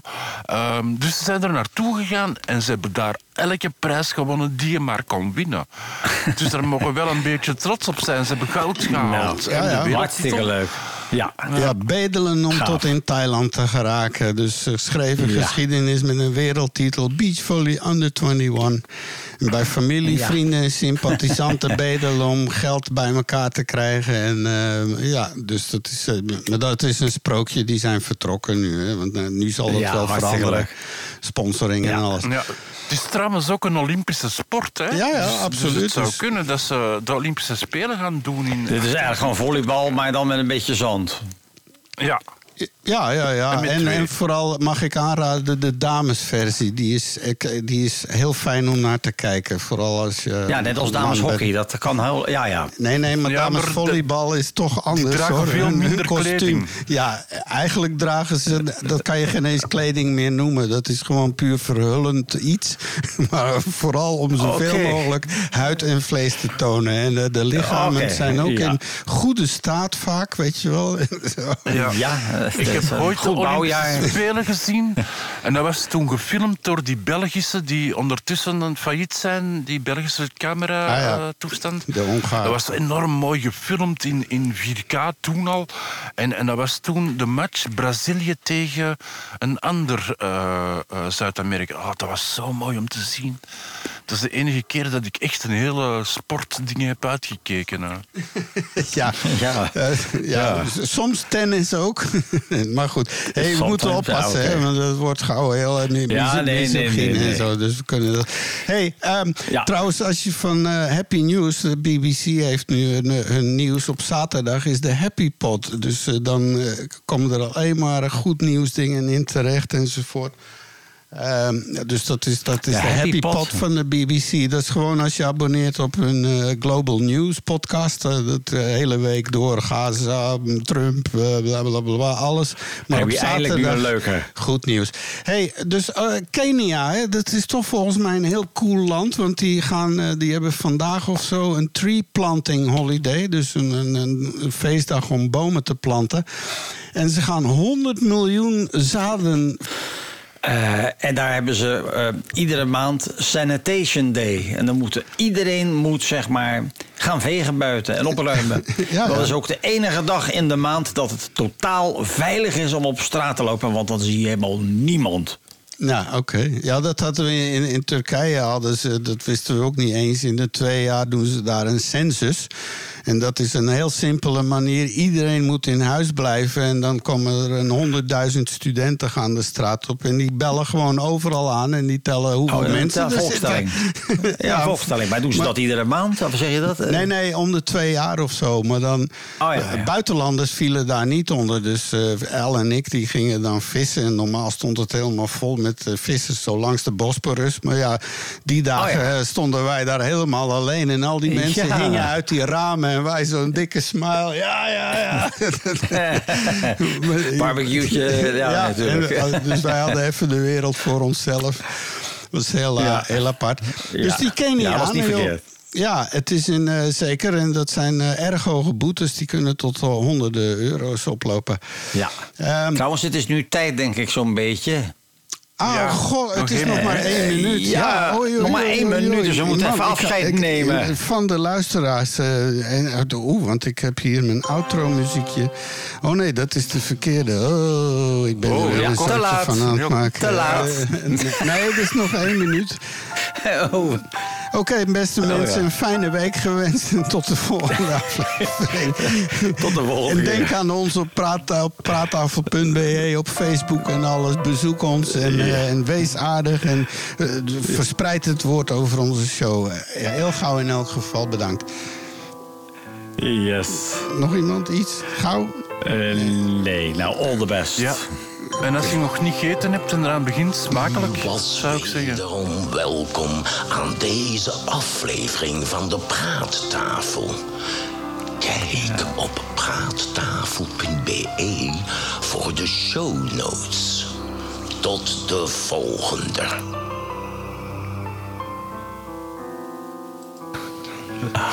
Dat is weer een mooie crossover, Jeroen. Ja, goed gedaan.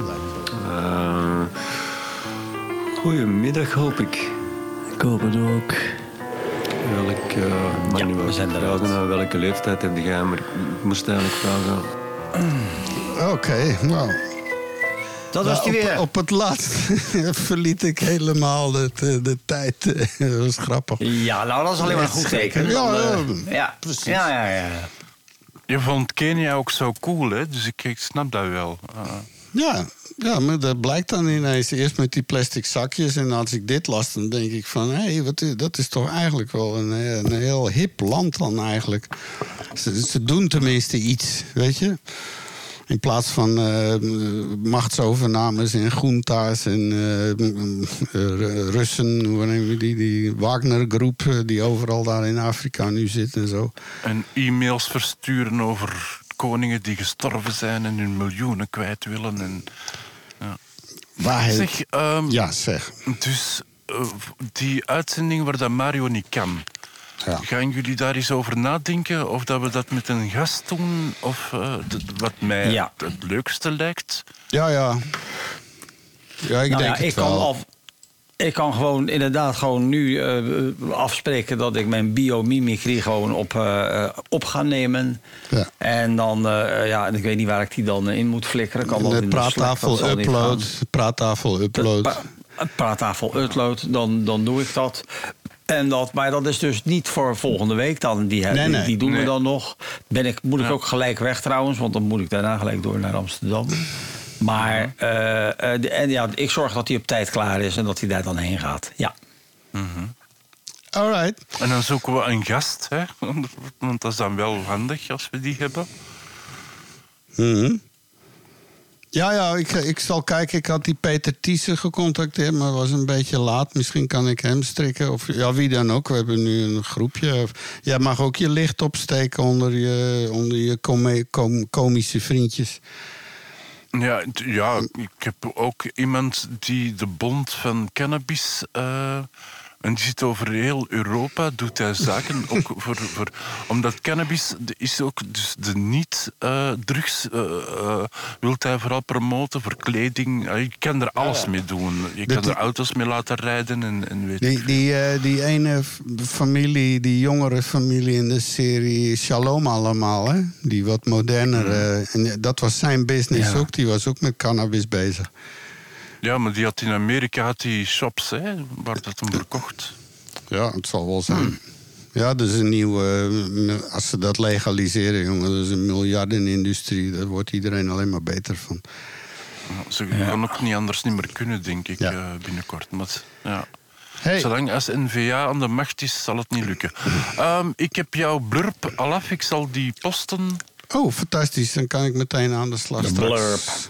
Ja, ik heb er ook een aparte foto voor, dat het niet altijd dezelfde is, want dan vind ik zo... wat, eh, Nee, nee, ik gebruik die nu ook op de site in plaats van altijd die banner. eh, Dus om het een beetje meer eh, aantrekkelijk Ja, te ja, maken. maar ik allemaal. bedoel, ik heb een andere ehm, eh, foto dan degene die voor de aankondiging. Hè. Hadden die berg cocaïne eh, er strak eh, eh, vandaag gebruikt. Maar ik heb nog een andere voor de podcast. Dat, dat- Ah, oké, perfect. ja. Alright, tot volgende week. Ik heb vanavond Nou, ja. school, want gisteren was het geen les, maar het is vanavond, dus... Oh, kijk eens aan. Nou ja, ik kan jullie ook alleen maar een fijne dag verder toewensen. En eh, we zien elkaar sowieso volgende week weer. Dus eh, dat gaat helemaal goed komen. Oh, horen toch tenminste. Ja. Op zijn minst horen, inderdaad. En ik, inderdaad, wat ik zeg, ik, ik maak alvast een biomimicry. Daar ben ik daar ook vanaf. Ja. En dan, eh, nou ja, bij Leven en Welzijn zie ik jullie volgende week weer. Hoor ik jullie volgende week weer. Alright, man. Hey, succes met alles en sterkte en groeten. Yes. Doei. Hoi, hoi. Bye, bye. Dag. Dag.